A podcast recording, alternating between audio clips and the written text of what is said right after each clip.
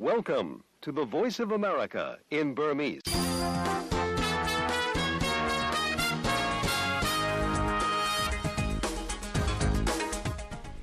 မင်္ဂလာမနက်ခင်းပါရှင်။ VOA American အသံရဲ့2024ခုနှစ်ဖေဖော်ဝါရီလ22ရက်နေ့ကြာသပတေးနေ့မနက်ခင်းစီစဉ်တွေကိုမြန်မာစံတော်ချိန်မနေ့6နာရီခန့်နဲ့9နာရီထိလိုင်းဒိုမီတာ32 49လိုင်းလမီတာ190တို့ကနေတိုက်ရိုက်ထုတ်လွှင့်နေပါပြီ။ကျွန်မသင်္ကီထိုက်ပါရှင်။ ဟာမတ်ဖန်ထားတဲ့အစ္စရေးဒဇက်ကန်တွေလွတ်မြောက်ရေးသဘောတူညီမှုတရရဖို့တိုးတက်တဲ့လက္ခဏာတွေရှိလာပြီလို့အစ္စရေးကာကွယ်ရေးအစိုးရအဖွဲ့ဝင်တူကပြောပါတယ်။ယူကရိန်းစစ်နှစ်နှစ်ပြည့်မတိုင်ခင်ရပ်ပိုင်းတွင်းမှာပဲရုရှားကိုရေးယူတန်ခတ်မှုအသစ်လုပ်ဖို့ EU ဥရောပသမဂ္ဂမှသဘောတူညီမှုရပါတယ်။မြန်မာစစ်ကောင်ဆောင်ဗိုလ်ချုပ်မှုကြီးမင်းအောင်လှိုင်ဟာရုရှားဒုတိယနိုင်ငံခြားရေးဝန်ကြီးနဲ့တွေ့ဆုံပြီးတော့နျူကလ িয়ার နည်းပညာအပါအဝင်နှစ်နိုင်ငံပူးပေါင်းဆောင်ရွက်ရေးကိစ္စရပ်တွေကိုဆွေးနွေးခဲ့ပါတယ်။ ထိုင်းမြန်မာနယ်စပ်မဲဆောက်မှာနယ်စပ်ဖြတ်သူတွေကိုစီစစ်တင်းကျပ်နေကြောင်းသတင်းပေးပို့ချက်အမ်းနဲ့ကြောက်ဖြူဒေသတဝန်းကစီရေးချင်းချောက်မှုယူကရိန်းစီရေးအတွက်နိုင်ငံတကာအထောက်ပံ့အကြောင်းအမေရိကန်ပြည်တွင်ပြောင်းရွှေ့နေထိုင်သူတိုးလာတဲ့အခြေအနေစတဲ့သတင်းဆောင်မတွေကိုတော့သတင်းတွေပြီးမှနားဆင်ကြရပါမယ်ရှင်အဖက်စင်ခဏတွေတဲမှာတော့ editor နဲ့ဆွေးနွေးကန်ဂျန်စီတပတ်အတွင်းအားကစားအစီအစဉ်တို့ကိုထုတ်လွှင့်ပါမယ်အခုတော့ကိုငိမ့်ချမ်းအေးကသတင်းတွေတင်ပြပါမယ်ရှင် ဂါဇာမှာ ယာယီအပစ်ရပ်ရေး ဒေသတွင်းမှာ တွေ့ဆုံဆွေးနွေးတာတွေ ရှိနေချိန်မှာပဲ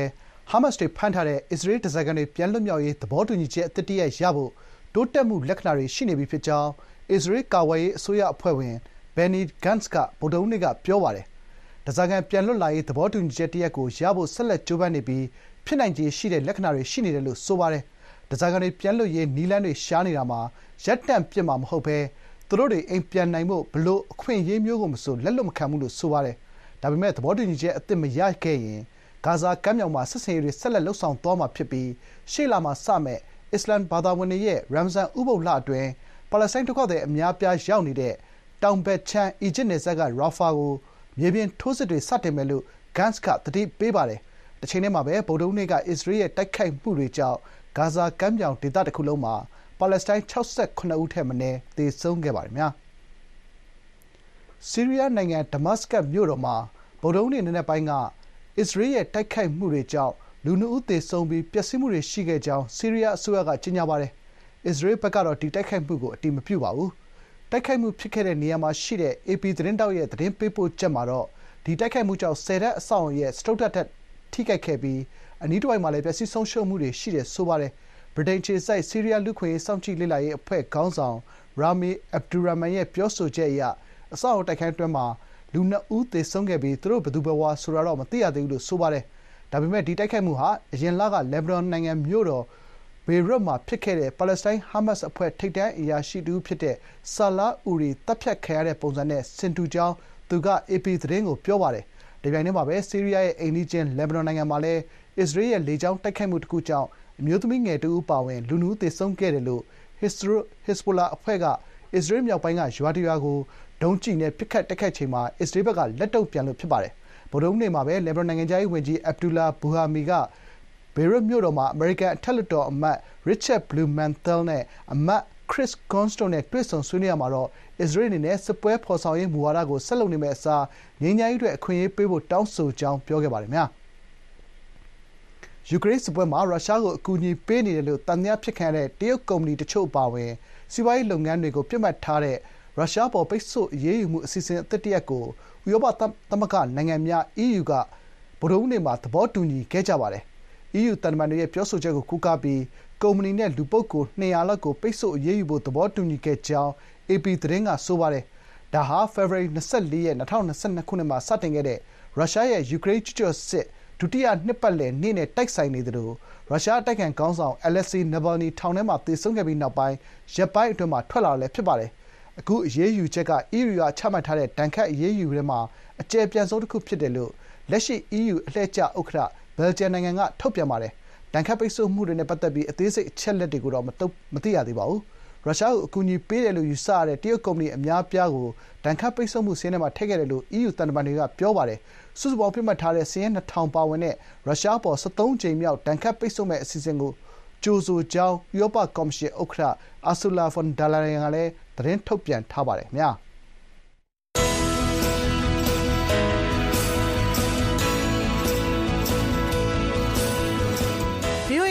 and then မနေ့ဖက်မြန်မာဘာသာအစီအစဉ်တွေကိုမနေ့6နာရီကနေ9နာရီထိလိုင်းဒိုမီတာ32 kHz 9335နဲ့9383ညလိုင်းဒိုမီတာ49 kHz 6153ည ပထမနိုင်ဝက်မှာလှိုင်းလက်မီတာ190 kHz 1505တို့ကနေပြီးတော့ထုတ်လွှင့်ပေးနေပါတယ်ရှင်။ကြာသပတေးနေ့မနက်ခင်း VOA သတင်းတွေကိုဆက်လက်တင်ပြပေးပါမယ်ခင်ဗျာ။မြန်မာအာဏာသိမ်းစစ်ခေါင်းဆောင်ဗိုလ်ချုပ်မှူးကြီးမင်းအောင်လှိုင်ဟာရုရှားနိုင်ငံဒုတိယနိုင်ငံခြားရေးဝန်ကြီးအန်ဒရေယူတင်ကိုနဲ့တွေ့ဆုံပြီးနျူကလီးယားနည်းပညာအပါအဝင်စစ်ကောင်စီနဲ့ရုရှားကြားချစ်ကြည်ရင်းနှီးတဲ့ဆက်ဆံရေးနဲ့ပူးပေါင်းဆောင်ရွက်မှုခိုင်မာစေရေးဆွေးနွေးခဲ့ကြောင်းစစ်ကောင်စီထိန်းချုပ်ထားတဲ့နိုင်ငံပိုင်မီဒီယာကဗုဒ္ဓဟူးနေ့မှာဖော်ပြပါတယ်။ နျူကလီးယားနည်းပညာကို ငြိမ်းချမ်းစွာ အသုံးချရေး၊ရေအားလျှပ်စစ်ထုတ်လုပ်ရေးနဲ့ နေရောင်ခြည်စွမ်းအင်သုံး လျှပ်စစ်ဓာတ်အားထုတ်လုပ်ရေး စတဲ့ ကဏ္ဍတွေမှာ ပိုမို ပူးပေါင်းဆောင်ရွက်နိုင်ရေး နေပြည်တော်မှာ အင်္ဂါနေ့က ဆွေးနွေးခဲ့ကြကြောင်း စစ်ကောင်စီ သတင်းစာမှာ ဖော်ပြပါတယ်။ဒါ့အပြင် ခရီးသွားလုပ်ငန်း မြှင့်တင်ရေး၊လူမှုရေးနဲ့ ပညာရေးကဏ္ဍတွေမှာလည်း ပူးပေါင်းဆောင်ရွက်ရေး၊မြန်မာနိုင်ငံကို ဓာတ်မြေဩဇာထောက်ပံ့ရေးနဲ့ နှစ်နိုင်ငံဆက်ဆံရေး ပိုမို ပူးပေါင်းဆောင်ရွက်နိုင်ဖို့ ဆွေးနွေးခဲ့တယ်ဆိုပါတယ်။အာဏာသိမ်းပြီးနောက်ပိုင်း မြန်မာစစ်တပ်အပေါ် အနောက်နိုင်ငံတွေက အရေးယူ ဒဏ်ခတ်ထားလို့ စစ်ကောင်စီဟာ အဓိက နိုင်ငံတကာ မိတ်ဖက်တွေအဖြစ် တရုတ်နဲ့ ရုရှား နှစ်နိုင်ငံကိုပဲ အဓိက အားကိုးနေရပြီး နီးနီးကပ်ကပ်နဲ့ ဆက်ဆံနေကြောင်း လေ့လာသူတွေက သုံးသပ်ထားကြပါတယ် မြန်မာစစ်ကောင်စီဟာ မဖြစ်မနေ စစ်မှုထမ်းရမယ့် ဥပဒေကို အသက်သွင်းလာတာက သူ့ရဲ့ အားနည်းချက်ကို ပြသတာဖြစ်ပေမယ့် ဒါဟာ အရပ်သားတွေကို ပိုပြီး ခြိမ်းခြောက်လာနိုင်တယ်လို့ ပိုမို ထိခိုက်လာနိုင်တာကို လူထုကို ကာကွယ်ပေးဖို့ နိုင်ငံတကာအနေနဲ့ ပြင်းထန်တဲ့ အရေးယူမှုတွေလုပ်ဖို့ တောင်းဆိုကြောင်း ကုလသမဂ္ဂရဲ့ မြန်မာနိုင်ငံ လူ့အခွင့်အရေး အထူးကိုယ်စားလှယ် Tom Andrews က ဗုဒ္ဓဟူးနေ့က ကြေညာချက် ထုတ်ပြန်ပါတယ်။နိုင်ငံတကာ အသိုင်းအဝိုင်းအနေနဲ့ စစ်အစိုးရကို ဖယ်ကျဉ်ပြီး မြန်မာပြည်သူတွေကို အကာအကွယ်ပေးရေး အရေးတကြီး လုပ်ဆောင်ရမယ်လို့ ကုလ လူ့အခွင့်အရေးဆိုင်ရာ မဟာမင်းကြီးရုံးရဲ့ တရားဝင် ဝက်ဘ်ဆိုက်မှာ ထုတ်ပြန်တဲ့ ထုတ်ပြန်ချက်မှာ ဖော်ပြထားပါတယ်။အထိနားနေတဲ့ မြန်မာစစ်တပ်ဟာ ပိုပြီး အန္တရာယ်များလာနေတယ်လို့ ကုလသမဂ္ဂ ကျွမ်းကျင်သူက ပြောပါတယ်။စစ်မှုထမ်းဥပဒေကို အသက်သွင်းဖို့ ကြိုးပမ်းပြီး နိုင်ငံတဝန်းက အရပ်သားတွေကို ထိခိုက်စေတဲ့ အဓမ္မ လူသူစုဆောင်းတဲ့ပုံစံလုပ်ဖို့ ကြိုးစားနေတယ်လို့ ထောက်ပြပါတယ်။ ဒီအမိန့်ထွက်ပြီးမကြာမီ လူငယ်တချို့မြို့ပေါ်မှာတင်ပြန်ပေးဆွဲခံရတယ်ဆိုတဲ့သတင်းတွေထွက်ခဲ့ပြီးကျေးရွာတွေမှာလည်းလူထုကိုအဓမ္မလုပ်အားပေးစေခိုင်းပေါ်တာဆွဲတာနဲ့လူသားဒိုင်းတွေအဖြစ်အသုံးပြုနေကြောင်း Tom Andrews ကသတိပေးထားပါတယ်။လူငယ်တွေဟာစစ်အစိုးရရဲ့အကြမ်းဖက်အုပ်ချုပ်မှုစနစ်ထဲအတင်းအကျပ်ပါဝင်ရမှာကိုထိတ်လန့်နေကြလို့စစ်မှုထမ်းရမယ့်အရေးကလွတ်မြောက်ဖို့နယ်စပ်ဖြတ်ကျော်ထွက်ပြေးတာတွေတိုးလာမှာဖြစ်ကြောင်းသူကထောက်ပြထားပါတယ်။မြန်မာနဲ့နယ်နိမိတ်ချင်းထိစပ်နေတဲ့ အိန္ဒိယနိုင်ငံအရှေ့မြောက်ပိုင်းက မီဇိုရမ်ပြည်နယ်မှာ လူရာနဲ့ချီဟာ နယ်စပ်တလျှောက် လွတ်လပ်စွာ သွားလာခွင့်ကို ဖျက်သိမ်းမယ့် အိန္ဒိယ ဗဟိုအစိုးရရဲ့ ဆုံးဖြတ်ချက်ကို ဗုဒ္ဓဟူးနေ့က ဆန့်ကျင် ဆန္ဒထုတ်ဖော်ခဲ့ကြပါတယ်။မြို့တော် အိုက်ဇောလ်က ဆန္ဒပြပွဲမှာ မိုင်တထောင်ကျော်ရှည်တဲ့ အိန္ဒိယ-မြန်မာ နယ်စပ်တလျှောက် နယ်စပ်စည်းရိုးခတ်မယ့် ဆုံးဖြတ်ချက်ကို ဆန့်ကျင်ခဲ့ကြပါတယ်။နယ်စပ်တဘက်တချက်မှာ မိသားစုတွေ ရှိနေတာကြောင့် လွတ်လွတ်လပ်လပ် သွားလာခွင့်ကို ဆက်ထားရှိဖို့ တောင်းဆိုကြောင်း မီဇိုလူငယ်အစည်းအရုံးက ပြောပါတယ်။ မီဇိုရမ်ပြည်နယ်ထဲကို မြန်မာနိုင်ငံက ထွက်ပြေးလာကြတဲ့ ဒုက္ခသည်အများစုက အိန္ဒိယအရှေ့မြောက်ပိုင်းမှာ နေထိုင်တဲ့ မီဇိုလူမျိုးတွေနဲ့ မျိုးနွယ်တူ ကူကီးဇို လူမျိုးစုတွေ ဖြစ်ပါတယ်။အိန္ဒိယနဲ့ မြန်မာ နှစ်နိုင်ငံကြားမှာ နှစ်ဘက် နယ်စပ်တလျှောက် နေထိုင်ကြတဲ့ မျိုးနွယ်တူ လူဆိုးတွေကြား နယ်ခြားမျဉ်းကို ဖြတ်ကျော်ပြီး ၁၀ မိုင်လောက်အထိ ပြည်ဝင်ခွင့်ဗီဇာနဲ့ နိုင်ငံကူးလက်မှတ်တွေ မပါဘဲ လွတ်လွတ်လပ်လပ် ဝင်ထွက်သွားလာခွင့်ရှိတဲ့ သဘောတူညီချက် ရှိနေတာပါ။ဆန္ဒပြခေါင်းဆောင်တဦးဖြစ်သူ လာမာ ခူဝါနာ ကတော့ နယ်စပ်ပိတ်ဖို့ တောင်းဆိုချက်က မဏိပူရပြည်နယ်က တောင်းဆိုတာလို့ အေပီသတင်းကို ပြောပါတယ်။မဏိပူရပြည်နယ်ထဲမှာ မနှစ် မေလတုန်းက လူမျိုးရေးပဋိပက္ခတွေ ဖြစ်ခဲ့ပြီး လူ ၁၅၀ ထက်မနည်း သေဆုံးခဲ့ရာမှာ မဏိပူဝန်ကြီးချုပ် ဘီရန်ဆင်းက မြန်မာနိုင်ငံဘက်ကလာတဲ့ ကြေးစားတပ်ဖွဲ့ဝင်တွေက မငြိမ်မသက်ဖြစ်အောင် လှုံ့ဆော်ခဲ့တယ်ဆိုပြီး စွပ်စွဲထားပါတယ်ခင်ဗျာ။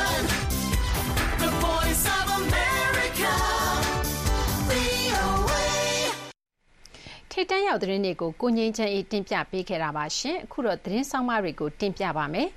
မြန်မာနိုင်ငံမှာစစ်မှုထမ်းဥပဒေထွက်အပြီးထိုင်းမြန်မာနယ်စပ်မဲဆောက်မြဝတီအမှတ်၁ချစ်ချီတရားကနေမှတ်ပုံတင်တဲ့9ရက်နယ်စပ်ဖြတ်ကျော်လက်မှတ်နဲ့ဝင်ရောက်လာသူတွေကိုထိုင်းဆိုရတာဝန်ရှိသူတွေကစီစစ်ပြီးထိုင်းဘက်ကအထောက်ထားရှိသူတွေအမခံပေးမှဝင်ခွင့်ပေးတာတွေလှုပ်လာနေပါတယ်ထိုင်းခြေဆိုင် VOA သတင်းတောက်မအေးအေးမှသတင်းပေးပို့ထားပါတယ်ရှင်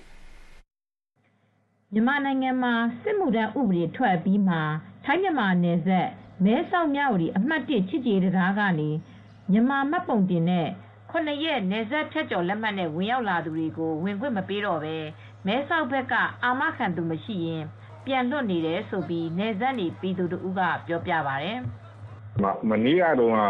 ကျွန်တော်တငယ်ချင်းတယောက် ဒီဘက်ကိုလာတယ်ဒီဘက်သူတရားဝင်မှာဘက်ကနေလက်မှတ်လုပ်ပေးလိုက်တယ် အဲ့ဒီလက်မှတ်လုပ်ပေးလိုက်တဲ့ခါကျထိုင်ဘက်ကိုရောက်လာတယ်မှာထိုင်ဘက်ရောက်လာတဲ့ခါကျတော့သူဂိတ်နံပါတ်တွေရှိတယ်ဂိတ်နံပါတ်ဂိတ်နံပါတ်ရှိတဲ့ခါကျတော့ကျွန်တော်စီကိုဖုန်းဆက်လာတယ်ဖုန်းဆက်လာတဲ့ခါကျတော့တော့ဗာပြောလဲဆိုတော့အဖိုးတဲ့တစ်ချက်လောက်ကူကြည့်ပြပါလားအဲ့ဒါဘာဖြစ်လို့လဲညီလေးလို့ပြောလို့ဆိုအဲ့ဒီဘက်ကဒီဘက်ကမှနေတဲ့လူသားတွေပြောတဲ့အဲ့ဘက်ကမှဒီလူကမဲဆောက်တော့မှမနေပါဘူးအမလာကမှဝင်လို့ရမယ်တဲ့အမှတ်ဆက်တော့နံပါတ်ကြိတ်ကပေါ့နော်အဲ့သူအဲ့လိုပြောတယ်လေဝင်မရဆိုအဲ့အဲ့ကလေးပြန်ခဲ့သွားတယ် ဒီလိုလောက်တာဟာ ဖေဖော်ဝါရီလ20ရက်နေ့ကနေ စတင်ခဲ့ပြီး ထိုင်းဘက်ချမ်းက အထောက်ထားရှိသူတဦးက စာရွက်စာတမ်းတွေပေးပြီး အာမခံရတာလို့လည်း ဆိုပါတယ်။ဒါပေမဲ့ လာတဲ့သူက မပြန်ဘူးဆိုရင် အာမခံတဲ့သူက ပြဿနာဖြစ်နိုင်တဲ့အတွက် အာမခံဖို့ မလွယ်ကူဘူးလို့လည်း ဆိုပါတယ်။ဒီဘက်ကတွေပါသွားတယ်အမခနဲ့လူတွေကဒီလက်မှတ်တွေပါပါတဲ့ဟာတွေအကုန်လုံးစက်ကွင်းတွေပါဖတ်တတ်ပြီးမှ တကယ်ပြီးကြလားဒီလူကဒီဘက်ကမှမနေဘူးဈေးလာဝယ်လာမှန်းနေဆိုမှအာသူတို့ဒီဘက်ကအမခနဲ့လူရှိမှဒီဘက်ကိုလာခွင့်ပေးတယ်အင်းကိုပြဿနာကကိုပမာနေတယ်ပဲတတိမနေတယ်ပါလို့ရတော့အကုန်လုံးအမဒီကဟိုပန်းရောင်ကအကုန်လုံးမိတ်တူတူပြီးတော့အကုန်လုံးယူထားပါလေမြန်မာပြည်သားတွေဟာစစ်မှုထမ်းဥပဒေမထွက်ခင်ကတည်းကထိုင်းမှာရရအလုပ်လုပ်ဖို့အတွက်နေဆက်ဖြတ်ကျော်လက်မှတ်တွေကိုတက်တမ်းမတိုးပဲ ထိုင်းဘက်မှာပဲနေထိုင်နေလိုက်ကြပါတယ်။အခုလည်းအဲ့ဒီလိုမျိုးမပြန်ကြတဲ့သူတွေများလာတဲ့အတွက်ထိုင်းဘက်က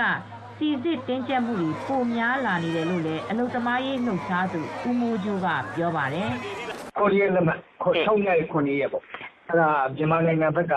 အဒိုးသားမှတ်ပုံတင်နဲ့6ညရီ9ရက်လာဝယ်ရတာတော်တော်များများ6ညရီ9ရက်လက်မှတ်နဲ့မြန်မာနိုင်ငံဒီထိုင်းဘက်ချမ်းမဲဆောက်ကိုလာတဲ့လူကြီးကမပြန်ကြလို့မပြန်ကြတာ မပြန်ကြတဲ့အတွက်ဒီကကိုကမပြန်မနဲ့မဲဆောက်မှာနေနေပုံတာလေပြီးတော့ဘယ်တော့ဒီကနေပြန်တော့မဲဆောက်မှာရရအလုပ်တွေကျုပ်တော့တော့သွားဖို့တော့ဆောင်ကြအခုဆိုရင်မြဝတီဘက်ကနေလာတဲ့ခေါင်းရွက်ပြတ်ထိုးဈေးတယ်တွေဟာထိုင်းဘက်ချမ်းမဲဆောက်ဘက်ကိုလာပြီးနေသွားညပြန်လုပ်ပြီးဈေးလာရောင်းကြတာတွေကိုလည်းထိုင်းဘက်ကဖမ်းဆီးတာတွေလုပ်နေပါတယ်။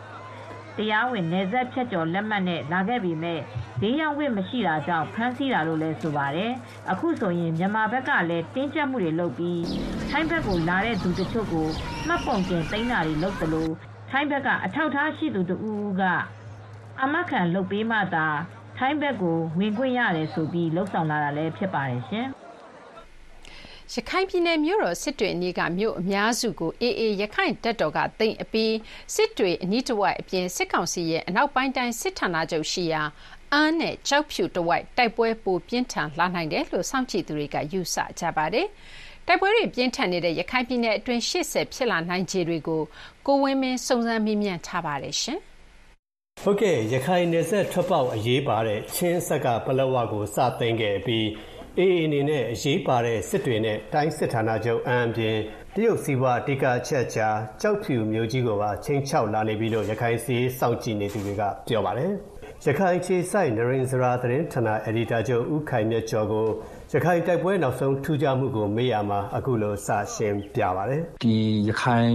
ရဲ့မြောက်ပိုင်းပေါ့ဗျာဘူးတီတောင်ဆိုရင်ဘူးတီတောင်မှာလည်းစခခ15ရှိတယ်ပြီးရင်ရသေးတောင်ရှိတယ်မောင်တိုးရှိတာပေါ့ဒီပြီးရင်ပုံနှကျွန်းရှိတာပေါ့ အခုက အဲ့ဒီမျိုးတွေရှိမှရှိတဲ့တိုင်းရင်းတွေ အကုန်လုံးကိုတော့အေကဝိုင်းပိတ်ဆို့ထားတာပေါ့ဗျာ ပိတ်ဆို့ထားတော့ဒီမြန်မာဒီစစ်ကောင်စီဘက်ကတော့ ခံစိတ်အတွင်းမှာပဲ သူတို့ရှိနေတာပေါ့ နောက်တစ်ခုမှလည်းဒီစစ်တွေကိုတော့ဓာကဆတ်ကိုတော့ လက်နက်ချဖို့ဒီစစ်တွေမှာရှိတဲ့တိုင်းရင်းတွေ အကုန်လုံး လက်နက်ချဖို့တော့အေကပြောထားတာရှိတယ် တကယ်လို့ လက်နက်မချဘူးဆိုရင် ဝင်တိုက်မယ်ဆိုတဲ့ သတင်းတွေလည်း ကျွန်တော်တို့ ထွက်နေတာကို ကြားရပါတယ် နောက်တစ်ခုကတော့ အရေးကြီးတဲ့ နေရာကသုံးခုရှိတာပေါ့လက်ရှိရှိမှာတစ်ခုကတော့စစ်တွေရယ်တစ်ခုကတော့အနောက်ပိုင်းတိုင်းစစ်ဌာနချုပ်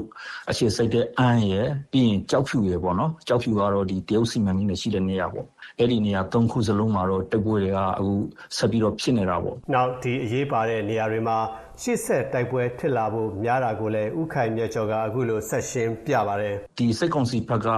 စိတ်ရှုံးနေတာပေါ့ဗျာပြီးရင်စိတ်ပန်းဆိုင်ရာအရာတို့တို့ကိုဖြိုပြဲဖြစ်နေတဲ့အရှင်ဖြစ်တာပေါ့အဲ့ဒါကြောင့်ဒီအေးဘက်ကလည်းဒီရှိမှာတော့ပို့ပြီးတော့သူ့ရဲ့စိတ်ဆင်ရေးကိုတိုးပြီးတော့နှင်းပြီးတော့ဟိုလှုပ်လာနိုင်တဲ့အနေအထားရှိတာပေါ့ဘာလို့ဆိုတော့ဟိုသူတို့ကတိုက်ပွဲတိုင်းမှာလည်းအောင်နေတယ်အတွက်ဒီတိုက်ပွဲတွေကတော့ရှင်းမှာဆက်ပြီးတော့ပြင်းပြင်းထန်ထန် ဖြဖြစ်လာနိုင်တယ်။ AA က ထိုးစစ်တွေကိုပြင်းပြင်းထန်ထန်ပြုလုပ်လာနိုင်တယ်လို့ ကျွန်တော်တို့ ခန့်မှန်းလို့ရပါတယ်ခင်ဗျ။အဲဒီတော့ စစ်ကောင်စီရဲ့ အခုလို မြို့ကြီးတွေ ကြီးမားတဲ့ စစ်စခန်းကြီးတွေတစ်ခုပြီးတစ်ခု ကျသွားရတာလဲလို့ မေးရမှာဥခိုင်မြတ်ကျော်က အထူးသဖြင့်ကြောက်တော်တို့မှာ ဖြစ်သွားတဲ့ကိစ္စတွေပေါ့ဗျာ အင်အား၄900လောက်ရှိတဲ့ တပ်တွေ တပ်မတွေကတက်ဆုပ်ရတယ်ဆိုတဲ့ အနေအထားပေါ့နော် ပြီးရင်ဒီနေဆက်မှာဖြစ်ခဲ့တဲ့ ထွက်ပြေးသွားတဲ့ အင်အား300လောက်ရှိတဲ့ တပ်အင်အားတွေကဗျာတစ်ဖက်နိုင်ငံကိုထွက်ပြေးသွားတဲ့အနေအထားမျိုးတိဖြစ်သွားတာပေါ့မြန်မာစစ်တပ်ဖက်ကစိတ်တိုက်ရရရတူတူကိုချဆင်းနေပြီသူတို့စိတ်တိတ်လို့တဲ့ဆန္ဒမရှိဘူးဆိုတာကိုကျွန်တော်တို့အထင်သာမြင်ရပါတယ်နောက်တစ်ခုက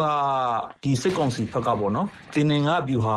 မှားတွေကိုသူတို့ကျူးလွန်တာပေါ့အဓိကတရားမဲ့သူတို့ရဲ့ရန်သူ ရခိုင်တပ်တို့ကိုသူတို့ပိတ်မှတ်မထားဘူးဒေသခံပြည်သူတွေကိုသူတို့ပိတ်မှတ်ထားတယ်အဲ့ဒီတော့လူထုတွေကိုဖြက်လက်ဖြက်လုပ်ပြီးတော့စာဝတ်နေရဲ့အကြက်တက်ဖြစ်အောင်လမ်းတွေကိုအကုန်လုံးပိတ်ဆို့တယ်ရိတ်ခါတွေကိုမသေးအောင်ပိတ်ဆို့လိုက်တာပေါ့အဲ့ဒီတော့လူထုကသူတို့ကိုထောက်ခံသူရောသူတို့ကိုမထောက်ခံတဲ့သူတွေရောအကုန်လုံးကဒီစစ်တပ်ကိုဆန့်ကျင်တဲ့ဖက်ကိုရောက်သွားတာပေါ့ရောက်သွားတော့အဲ့ဒီလူထုတစ်ခုလုံးကနေပြီးတော့အေဖက်ကရက်တယ်ပြီးတော့သူတို့တိုက်ပွဲဝင်တော့တာပါပဲပြီးရင်ရခိုင်တပ်တော် A ကပြည်မြေပြင်မှာပထဝီနေထားလဲသူတို့ကပိုင်တယ်စိတ်တိုက်ရရလဲသူတို့အားကောင်းတယ်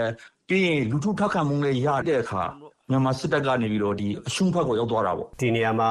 အေးဆက်တိုက်လာနိုင်ခြေကိုပြန်ထိန်းဖို့စစ်ကောင်စီကရှမ်းပြည်မြောက်ပိုင်းမှာအပြစ်ရက်ခဲ့တယ်လို့အိန္ဒိချင်းတရုတ်ပြင်ဘင်္ဂလားဒေ့ရှ်ကိုပါတောင်းဆိုလာနိုင်ပေမဲ့ တရုတ်ပါဝင်ဒီဖီအားတွေလာလဲအေးကိုတားဖို့ခက်နိုင်တယ်လို့ဥခိုင်မြတ်ကျော်ကတော့ရှင်းပြပါတယ်အတီးကတော့တရုတ်ဖီအားပေးလာရင်လေရခိုင်ကတော့ရခိုင်တပ်တော်ကတော့သူတို့လိမ့်နာရှင်မလိမ့်နာမှာပါပဲဘာလို့ဆိုတော့ဒီစိတ်ပွဲကဟိုရခိုင်တပ်တော် A ဖက်ကတာဝန်ရှိသူတွေလည်းပြောထားပါတယ်ဒါစိတ်အနာရှင်နဲ့ဖြတ်သိမ်းရင်းနဲ့နေပြီးတော့ဒီမြန်မာနိုင်ငံအတွင်းမှာပေါ့ဗျာတိုင်းရင်းသားလူမျိုးပေါင်းစုံရဲ့ဒီလွတ်လပ်တဲ့ညီချမ်းတဲ့နိုင်ငံတစ်ခုဖြစ်ဖို့အတွက်သူတို့ပုံဖော်နေတာဖြစ်ပါတယ်အဲ့ဒါကြောင့်ဒီသူတို့ရဲ့ရင်မှန်းချက်ကတော့သူတို့ဒီစိတ်အာဏာရှင်အပြုတ်တိုက်ရဲ့ကိုတော့သူတို့သွားမယ်လို့တော့ကျွန်တော်ထင်ပါတယ်ဒါပေမဲ့လည်းဒီတိုက်ပွဲကာလအကြားမှာတော့သူတို့ဒီနိုင်ငံရေးအပြင်တော်လကောင်စိတ်ရေးအပြင်သူတို့အပေးအယူကစားတာတွေတော့ရှိမှာပေါ့အဲ့တော့ခဏတာလေးရက်ကုန်ရက်နိုင်ပါတယ်ဒါပေမဲ့ဒီစိတ်ပွဲတွေက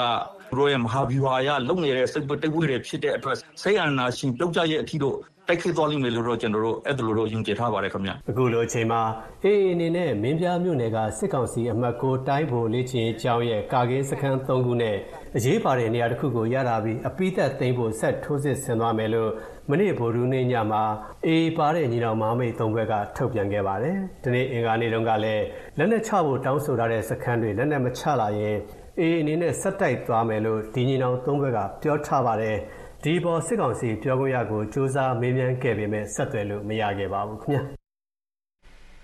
ရုရှားရဲ့ယူကရိန်းအပေါ်ကျူးကျော်တိုက်ခိုက်မှု၃နှစ်အတွင်းဝင်ရောက်လာချိန်မှာယူကရိန်းအရှေ့ဘက်စစ်မျက်နှာမှာအပြင်းအထန်တိုက်ခိုက်နေရပြီးရုရှားကနိုင်ငံအနှံ့ဒုံးလက်နက်တွေနဲ့ပစ်ခတ်တိုက်ခိုက်နေပါတယ်။ နိုင်ငံတကာအသိုင်းအဝိုင်းရဲ့စစ်ရေးနဲ့ငွေကြေးအထောက်အပံ့တွေဟာယူကရိန်းအတွက်သေရေးရှင်ရေးတမျှအရေးတကြီးလိုအပ်နေတာပါ။အခုလိုအချိန်မှာပဲယူကရိန်းကိုကူညီထောက်ပံ့ဖို့ကိစ္စမှာအမေရိကန်လွှတ်တော်မှာအတည်မပြုနိုင်ဘဲကြန့်ကြာနေပါတယ်။ VOA ရဲ့အရှေ့ဥရောပဌာနအကြီးအကဲ Myroslava Gongadze က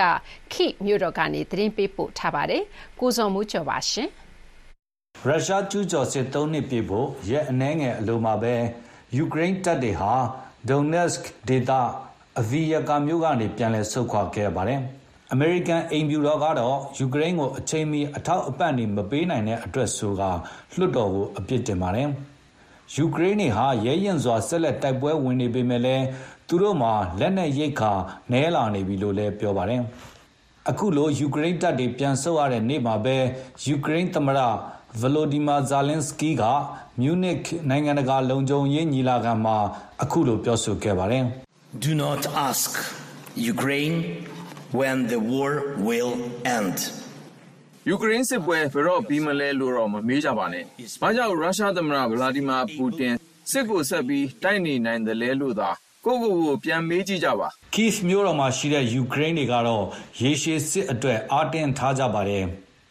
2022ခုနှစ် ဖေဖော်ဝါရီလ ရုရှားစတင်ကျူးကျော်ချိန်မှာ The Kyiv Independent သတင်းစာရဲ့ editor Olga Rudenka ဟာ သူမရဲ့အလုပ်စပွဲမှာထိုင်ပြီး အလုပ်လုပ်နေချိန်ဖြစ်ပါတယ်။သူ့ရဲ့ online သတင်းစာဟာလည်း စတင်တာတလပဲရှိပါသေးတယ်။ Antony Blinken said that the invasion of Ukraine is going to start uh, before dawn. And that was the moment ရုရှားကယူကရိန်းကိုအာယုံတက်ချိန်မတိုင်ခင်မှာပဲဝင်ပြီးတိုက်ခိုက်လိမ့်မယ်လို့ နိုင်ငံခြားရေးဝန်ကြီးအန်တိုနီဘလင်ကန်ကပြောခဲ့ပါတယ်။ဒဒါဟာ တကယ့်ကိုပဲ ဖြစ်လာခဲ့တာပါ ရုရှားစတင်မကျူးကျော်ခင် ညနေဘက် သမရပူတင်မိန့်ခွန်းပြောအပြီးမှာတော့ သူတို့ သတင်းထုတ်ပြန်ဖို့အစဉ်သင့်ဖြစ်နေပါပြီ We prepared a news item saying Putin announces um, war against Ukraine, and uh, when he stopped speaking, we သမရ published ပူတင် ယူကရိန်းကို စစ်ကြေညာတဲ့သတင်း ကျမတို့ပြင်ဆင်ပါတယ် သူမိန့်ခွန်းပြောပြီးတာနဲ့ ချက်ချင်းပဲ ကျမတို့ သတင်းကို ဖြန့်ချီလိုက်ပါတယ် ဖြန့်ချီပြီးတိတ်မကြခင်မှာပဲကျမတို့ပောက်ကွဲတံတွေကိုစပြီးကြားရပါတယ်နှစ်နှစ်ကြာစစ်ပွဲသတင်းတွေကိုထုတ်ဝေခဲ့ပြီး The Kyiv Independent သတင်းစာဟာယူကရိန်းမှာလက်တွေ့ဖြစ်ပျက်နေတာတွေကိုအင်္ဂလိပ်လိုအဓိကတင်ပြပေးနေတဲ့သတင်းစာတစ်စောင်ဖြစ်လာပါတယ်။ယူကရိန်းနေဘယ်လိုတိုက်ပွဲဝင်နေတဲ့ဆိုတာကိုကမ္ဘာကသိအောင်ကူညီလှုံ့ဆော်ဖို့ဒီသတင်းစာကရည်ရွယ်ပါတယ်။ It is very frustrating to be here in Ukraine and to watch all the news coming out uh, about the Congress not. Uh, အမေရိကန်လွှတ်တော်မှာယူကရိန်းကိုပေးမဲ့အကူအညီတွေအတွက်မဲခွဲပြီးအတိမပြုတ်နိုင်တဲ့သတင်းတွေထွက်ပေါ်လာတာဟာအလွန်ကိုစိတ်ပျက်စရာကောင်းပါတယ်။သူတို့တက်တော့ကိန်းခနန်းတွေဖြစ်ကောင်းဖြစ်မှာပါ။ဒါပေမဲ့ကျမတို့တက်ကတော့တကယ်အသက်တွေနဲ့တကယ်လူတွေဖြစ်ပါတယ်ဗလိုဒီမီယာအိုလန်ဟာယူကရိန်းတပ်ကဗိုလ်မှူးတစ်ယောက်ဖြစ်ပါတယ်။အရင်ကသူဟာ အခြေခံအစာအုပ်များဆိုင်ရာဝန်ကြီးအဖြစ် တာဝန်ထမ်းဆောင်ခဲ့သူဖြစ်ပါတယ်။သူ့ရဲ့ပြောဆိုမှုတွေဟာ ယူကရိန်းရဲ့ လက်ရှိစိတ်ဓာတ်အခြေအနေကို ဖော်ပြနေပါတယ်။ we become much stronger uh, by arms, by people, and ကျွန်တော်တို့ဟာ လူသူလက်နက်အင်အား အတော်ကြီးကို တောက်တင်းလာပါတယ်။သိကြပါတယ် ဒါက အပျော်ခီးမဟုတ်ပါဘူး။စစ်ပွဲဟာ လာမဲ့နှစ်ပတ်သုံးပတ်အတွင်း ပြီးမယ် ဒါမှမဟုတ် မကြာမီပြီးတော့မယ်ဆိုတာမျိုးလည်းမဟုတ်ပါဘူး။ကံမကောင်းစွာပဲစစ်ပွဲဟာကာလတစ်ခုတည်းရှိနိုင်ပါတယ်။ဒါပေမဲ့ကျွန်တော်တို့ရဲ့စိတ်ဓာတ်အနေအထားတွေကတော့မြင်မာနေသေးပါ။ကျွန်တော်တို့မှာပြင်းပြတဲ့စိတ်ဆန္ဒမရှိဘူးဆိုရင် အောင်ပွဲဆိုတာရှိလာမှာမဟုတ်ပါဘူး။ကျွန်တော်တို့မှာပြင်းပြတဲ့စိတ်ဓာတ်ခွန်အားတွေရှိနေသေးပါ။ Kiev မြို့က Finisty Daniel ကတော့အခုလိုပြောပါတယ် Uh, I want to see my mother, father. They are from, uh, uh, they are abroad. I'm here. ကျွန်တော်မိဘတွေနဲ့တွေ့ကြပါတယ်သူတို့ကပြည်ပမှာပါကျွန်တော်ကဒီမှာပါသူတို့စီကိုမသွားနိုင်ပါဘူးလို့သူကပြောတာပါနောက်ဒေတာကန်တူဖြစ်တဲ့ Oleski ကလည်းအခုလိုပြောပါတယ် We scary every day, every night. We we want to peace in our country. We ကျွန်တော်တို့ဟာနေ့စဉ်ညစဉ်စိုးရိမ်ထိတ်လန့်နေရပါတယ်ကျွန်တော်တို့တိုင်းပြည်ငြိမ်းချမ်းစေချင်ပါတယ် တမရပူတင်စစ်ကိုရပ်ပြီးကျွန်တော်တို့နယ်မြေတွေပြန်ပေးတာကိုလိုချင်ပါတယ်လို့ Oleski ကပြောပါတယ်ကထရီနာကတော့အခုလိုပြောပါတယ် This is will be a long war, and uh, full ဒီစစ်ပွဲကရေရှည်ဖြစ်မယ်လို့ထင်ပါတယ်။အတော်ဆိုးရတဲ့ကိစ္စပါ။နိုင်ငံတကာအတိုင်းအဝိုင်းရဲ့အကူအညီမပါဘဲဒီစစ်ပွဲကိုမနိုင်နိုင်ပါဘူးလို့သူကပြောဆိုသွားတာပါ။ VOA နဲ့စကားပြောပြခဲ့တဲ့ ယူကရိန်းတွေကတော့ စစ်မှုမထမ်းမနေရဥပဒေပြဋ္ဌာန်းမယ်ဆိုရင်လည်း တိုင်းပြည်ကိုကာကွယ်ဖို့ သူတို့စစ်မှုထမ်းနိုင်တယ်လို့ဆိုကြပါတယ်။သူတို့ဟာ ဒီမိုကရေစီစံတန်ဖိုးတွေအတွက် ခုခံတိုက်ခိုက်နေတာဖြစ်ပြီး အကူအညီတွေလိုအပ်နေတယ်ဆိုတာကိုကဘာကနားလည်စေချင်တယ်လို့လည်း ပြောဆိုခဲ့ကြပါတယ်။ အမေရိကန်မှာ နောက်ဆုံးကောက်ယူတဲ့ သန်းခေါင်စာရင်းအရ2022ခုနှစ်မှာ နိုင်ငံတွင်း ပြောင်းရွှေ့နေထိုင်ကြသူ အမေရိကန်နိုင်ငံသား8သန်းကျော် ရှိပါတယ်။ကယ်လီဖိုးနီးယားပြည်နယ်ကနေ တခြားပြည်နယ်တွေကို ပြောင်းရွှေ့အခြေချသူတွေ ထောင်နဲ့ချီရှိပြီး လူဦးရေ22သန်းရှိတဲ့ ဖလော်ရီဒါပြည်နယ်မှာ အခြေချနေထိုင်သူ တိုးလာနေပါတယ်။အင်ဂျလီနာဘာရာဆရန်သတင်းပေးပို့ထားတာကို မမြသဇင်အောင်ပြောပြပေးပါမယ်ရှင်။ Hollywood Boulevard မှာရှိတဲ့ခီးသွွားလုပ်ငန်းပိုင်ရှင်ဂျွန်ဂါဘန်ဟာကယ်လီဖိုးနီးယားကို2000ခုနှစ်တုန်းကပြောင်းလာတာပါ။သူကကမ္ဘာလှည့်ခီးသွွားတွေအတွက်ခီးစဉ်တွေစီစဉ်ပေးသလို Los Angeles မြို့တစ်ဝိုက်နာမည်ကျော် Hollywood သရုပ်ဆောင်တွေရဲ့အိမ်တွေကိုခီးသွွားတွေကိုလိုက်ပြပေးပါတယ်ကျွန်တော်ပြင်သစ်တောင်ပိုင်းကပါဒါပေမဲ့ကျွန်တော်ကအမေရိကန်မှာနေဖို့စိတ်ကူးနဲ့ကယ်လီဖိုးနီးယားကိုသွားခဲ့တာပါ။ဒါပေမဲ့သူ့မိတ်ဆွေတချို့ကပြည်နယ်ပြောင်းပြီးတော့အခြေချနေကြတယ်လို့ပြောပါတယ်။ လေစိတ်ကသိမ့်မြင့်လာတော့လူတွေကစိတ်ဖိစီးမှုတံကိုမခံနိုင်ကြတော့ဘူးအမေရိကန်မှာနောက်ဆုံးကောက်ယူထားတဲ့သကောင်စင်းရ2022ခုနှစ်တစ်နှစ်ထဲမှာတယ်ကယ်လီဖိုးနီးယားကနေပြီးတော့တခြားပြည်နယ်တွေကိုပြောင်းရွှေ့အခြေချသူက၈တန်းကျော်ရှိပါတယ်အများစုက Texas ပြည်နယ်ကိုနှစ်သက်ကြပါတယ် Texas ကိုလာခဲ့ပါတခြားအရှုပ်ထွေးကိစ္စတွေတော့သင်မလာနဲ့ပေါ့လူတွေဘာကြောင့်ဒီပြည်နယ်ကိုပြောင်းလာခြင်းတလဲဆိုတာကိုပြောပြပါတယ် We don't have a state income tax um ဒီမှာပြည်နယ်ကိုစောင့်စရာမလိုပါဘူးဈေးဆိုင်ဆိုရင်လည်းကယ်လီဖိုးနီးယားထက်အများကြီးသက်သာပါတယ်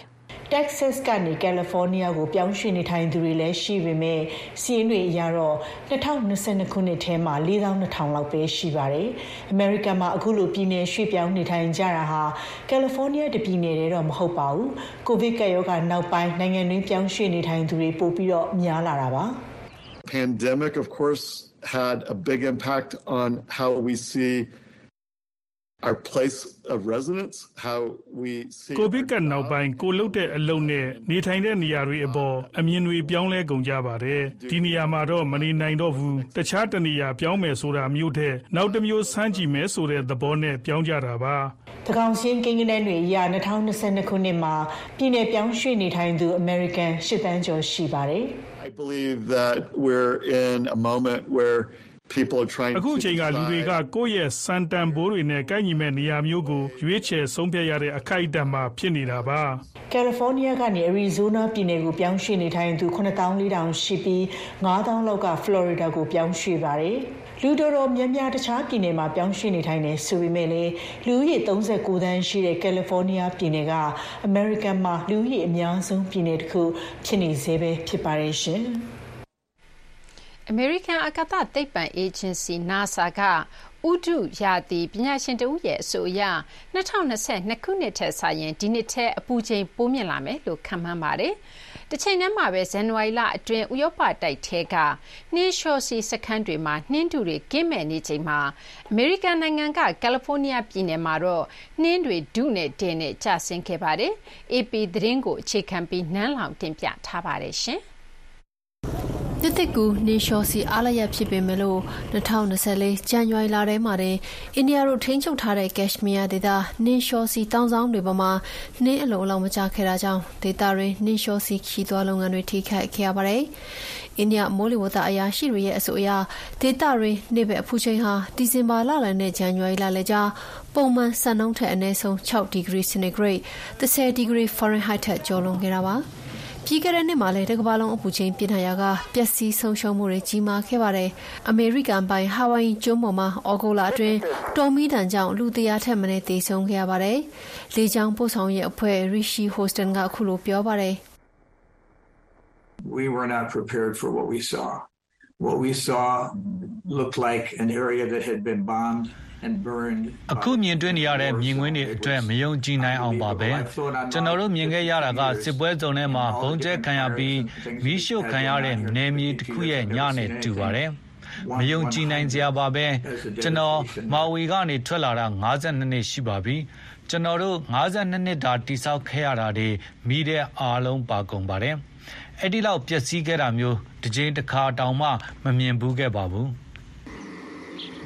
2023ခုနှစ်ဖေဖော်ဝါရီလအတွင်းအီရတ်နိုင်ငံတောင်ပိုင်းမှာတော့ပြင်းထန်တဲ့မိုးခေါင်မှုနဲ့ရင်ဆိုင်ခဲ့ရပြီးလယ်မြေတွေတိတိတသားပျက်စီးခဲ့ရတဲ့အတွက်လယ်သမားတွေနဲ့တိုးထိန်တွေလည်းသူတို့ရဲ့တရိတ်ဆန်တွေကိုရောင်းချခဲ့ရတာပါ။ဥဖရိတ်မြစ်ရည်တွေနဲ့ဆူဆွနေတဲ့ area အများပြားဟာလည်းမိုးခေါင်ရေရှားမှုနဲ့ကြုံခဲ့ရပြီးလယ်ယာလုပ်ငန်းနဲ့ငါးဖမ်းလုပ်ငန်းတို့ကိုမိခိုနေရတဲ့လယ်သမားတွေရဲ့လူမှုဘဝတွေခက်ခဲကြမ်းတမ်းခဲ့ရပါတယ်။ ရာသီဥတုဖောက်ပြန်မှုကြောင့်အပူချိန်မြင့်တက်လာတာနဲ့မိုးခေါင်ရေရှားမှုတွေလည်းပိုပြီးတော့ဆိုးရွားလာပါတယ်။ရာသီဥတုပိုမိုပြင်းထန်လာတာနဲ့အမျှစိုက်ကလုန်းမုန်တိုင်းတွေလည်းအားကောင်းလာပြီးမိုးများလာတဲ့အပြင်အကျဉ်းကြီးလည်းပိုပြီးတော့စိတ်လာပါတယ်။အာဖရိကအရှေ့ပိုင်းကမိုးခေါင်ရေရှားမှုတာရှည်လာတာကြောင့်ဒေသခံမိသားစုတွေလည်းစီရတွေနဲ့ခဲ့ရတာပါ။အပြော့လာတဲ့လာနီညာအေးလိုင်းကြောင့်မိုးခေါင်ရေရှားမှုတာရှည်လာချိန်မှာကမ္ဘာတောင်ဖက်ဆုံးရွှေရသည်မှာတော့စံချိန်တင်အောင်ပူပြင်းလာပါတယ်။ အိန္ဒိယနိုင်ငံမှာတော့ဂျွန်လအတွင်းပြင်းထန်တဲ့အပူလိုင်းကြောင့်လူဦးရေအထူထပ်ဆုံးဖြစ်တဲ့ပြည်နယ်တစ်ခုကလူ190နီးပါးသေဆုံးခဲ့ရပြီးဆေးရုံတွေမှာလည်းအပူဒဏ်သင့်လူနာတွေနဲ့ပြည့်နေနေခဲ့ပါတယ်။ ကမ္ဘာပေါ်မှာမှတ်တမ်းတင်ခဲ့တဲ့မြအပူချိန်အမြင့်ဆုံးကတော့1973ခုနှစ်ဇူလိုင်လမှာရောက်ရှိခဲ့တဲ့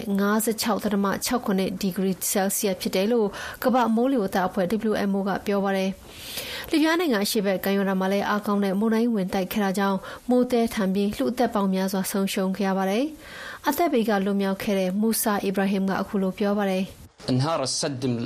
الكبير بتاع درنا ဒန်နာရေလောင်တမန်ကြီးပြိုကျသွားပါတယ်ဘွက်တွေနဲ့စီးဆင်းလာတဲ့ရေတွေကမီတာ20လောက်မြင့်ပါတယ်ရေတွေကအဆောက်အအုံတွေကိုလည်းရိုက်ခတ်ပြီးဝင်းတစ်ခုလုံးလူတွေသေကုန်တာပါကျွန်တော်တို့အိမ်ဘေးမှာတော့စိုက်ခင်းတွေရှိပြီးအဲ့ဒီမှာဆွေမျိုးတွေနေထိုင်ကြတာပါသူသူတို့အားလုံးဘေးကင်းပါစေလို့ပဲဆုတောင်းရပါတယ်တခါ Greece နိုင်ငံအလဲပိုင်း Bulgaria နဲ့တူရကီနိုင်ငံတို့မှာလည်းမုန်တိုင်းတွေဝင်တိုက်ခဲ့တာပါ လူသားတွေကြောင့်ရာသီဥတုပြောင်းလဲလာရကမုန်တိုင်းတွေလည်းဆဲဆပိုးတိုက်လာသလို40ရာခိုင်နှုန်းပိုးပြီးတော့အားကောင်းလာတယ်လို့ World Weather Attribution ရဲ့သိပ္ပံပညာရှင်တွေကစစ်တမ်းကောက်ယူခဲ့ကြတာပါ။နိုဝင်ဘာလအထက်မှာတော့အီသီယိုးပီးယား၊ကင်ညာနဲ့ဆိုမာလီယာနိုင်ငံမှာမိုးသည်းထန်မှုကြောင့်လူ130ထက်မနည်းသေဆုံးခဲ့ရတာဖြစ်ပါတယ်။သတင်းမှန်တွေရဖို့အရေးကြီးတဲ့ဒီကနေ့ခေတ်မှာကမ္ဘာကြီးရဲ့ဘယ်ရက်ဒေသမှာပဲရောက်နေပါစေ ခလုတ်တစ်ချက်နှိပ်လိုက်ရုံနဲ့သတင်းမှန်တွေရယူနိုင်ပါပြီ။လက်ဖျားလေးနဲ့တစ်ချက်တောက်ရုံနဲ့ရယူနိုင်မဲ့သတင်းတွေနိုင်ငံရေးဖြစ်စဉ်တွေတကယ်ဘဝဇက်လန်းတွေ one click ခလုတ်တစ်ချက်နှိပ်ရုံနဲ့ကဘာရက်ရက်ကအတန်တွေကိုချိတ်ဆက်နားဆင်နိုင်မှာဖြစ်ပါတယ်။ဘယ်ချိန်ဘယ်နေရာကပဲဖြစ်ဖြစ် VOA Plus application ကို download ရယူပါ။ မင်္ဂလာမနက်ခင်းပါရှင်။ VOA အမေရိကန်အသံရဲ့2024ခုနှစ်ဖေဖော်ဝါရီလ22ရက်ကြာသပတေးနေ့မနက်ခင်းအစီအစဉ်တွေကိုလှိုင်းဒိုမီတာ32 49တို့ကနေဆက်ပြီးထုတ်လွှင့်နေပါတယ်။အခုဒုတိယပိုင်းမှာတော့ Gen Z အားကစားအစီအစဉ်တို့ကိုမကြာခင်မှာထုတ်လွှင့်ပါမယ်ရှင်။အခုအရင်ဆုံးတော့အယ်ဒီတာနဲ့ဆွေးနွေးခန်းကိုနားဆင်ကြရအောင်ပါ။အဖက်ဖက်မှာထိခိုက်ဆုံးရှုံးမှုတွေရှိလာနေတဲ့စစ်ကောင်စီကြဆုံးလူနီးပြီလို့သုံးသပ်သူတချို့ကဆိုနေကြသလို ပန်းတိုင်ဝေးသေးတယ် တက်ထောင်ရမယ့်အချိန် မရောက်သေးဘူးလို့ သတိပေးသူတွေလည်း ရှိနေပါတယ်။ပြည်သူတွေ လိုချင်တဲ့ တည်ငြိမ်အေးချမ်းမှု ရရှိရေးဘလောက် နီးစပ်လာပြီလဲ။ခုသတင်းပတ် အယ်ဒီတာနဲ့ ဆွေးနွေးခန်းမှာ မမြသဇင်အောင်ကဥကျော်စံတာကို မေးမြန်း ဆွေးနွေးထားပါတယ်ရှင်။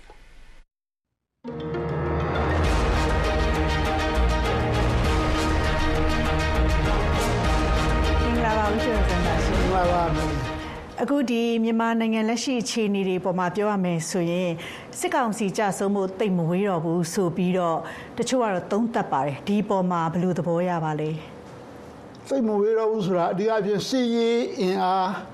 နိုင်ငံရေးအင်အားနိုင်ငံခြားဆက်ဆံရေးစသဖြင့်အဲ့ဒါတွေကိုကြည့်မယ်ဆိုရင်တော့စစ်ကောင်စီဘက်ကအဖက်ဖက်ကအားနဲ့ဆိုးလဲလဲဆိုတာတွေ့ရပါတယ်အထူးသဖြင့်စီရေးမှာရှုံနေမှုတွေအများကြီးတွေ့တယ်ဆိုတော့စီရေးကျွမ်းကျင်သူတွေကစစ်ကောင်စီဟာတာရှိခဏမှမဟုတ်ဘူးလို့ပြောကြတယ်ရှိပါတယ်အာဆိုရဆုံးကစစ်တပ်ရဲ့အင်အားကြဆင်းနေတာတို့ကြည့်မယ် ဆိုရင်ခေါင်းဆောင်အပေါ်မှာယုံကြည်မှုနည်းလာတယ်ဗိုလ်ချုပ်မှုကြီးမြောင်းလာလွတ်ထွက်ဖို့တောင်းဆိုတဲ့အသံတွေကြားလာရတယ်ဆိုတော့ဒါစစ်ကောင်စီကအင်အားအများကြီးဆိုးရုပ်ကြဆင်းနေတယ်ဆိုတာကိုပြသတာဖြစ်ပါတယ်ဒါကိုအခြေခံပြီးတော့ကျွမ်းကျင်သူတွေကသူတို့ကြဆုံမဲ့အချိန်မှာဝေတော့ဘူးလို့ပြောနေကြတာပါဒါပေမဲ့တချို့ကျွမ်းကျင်သူတွေကတော့လည်းပဲပန်းနိုင်မရောက်သေးဘူးတက်ထောင်ရမယ့်အချိန်မဟုတ်သေးဘူးဒါအပိုင်တွက်ဖို့ကတော့ ဆိုလွန်သေးတယ်စစ်ကောင်စီကြာဆုံးတော့မယ်လို့အပြတ်တော့မပြောနိုင်သေးဘူးကိုကြခဲတော့လူရလဲဦးမယ်ဆိုပြီးပြောထားတာရှိပါတယ်ဆိုတော့ဒီပြတ်တော့မပြောနိုင်ဘူးအင်အားကတော့တော်တော်ရိုင်နေနေပြီလို့ပြောနိုင်မယ်ထင်ပါတယ်အဲ့လောက်ကတော့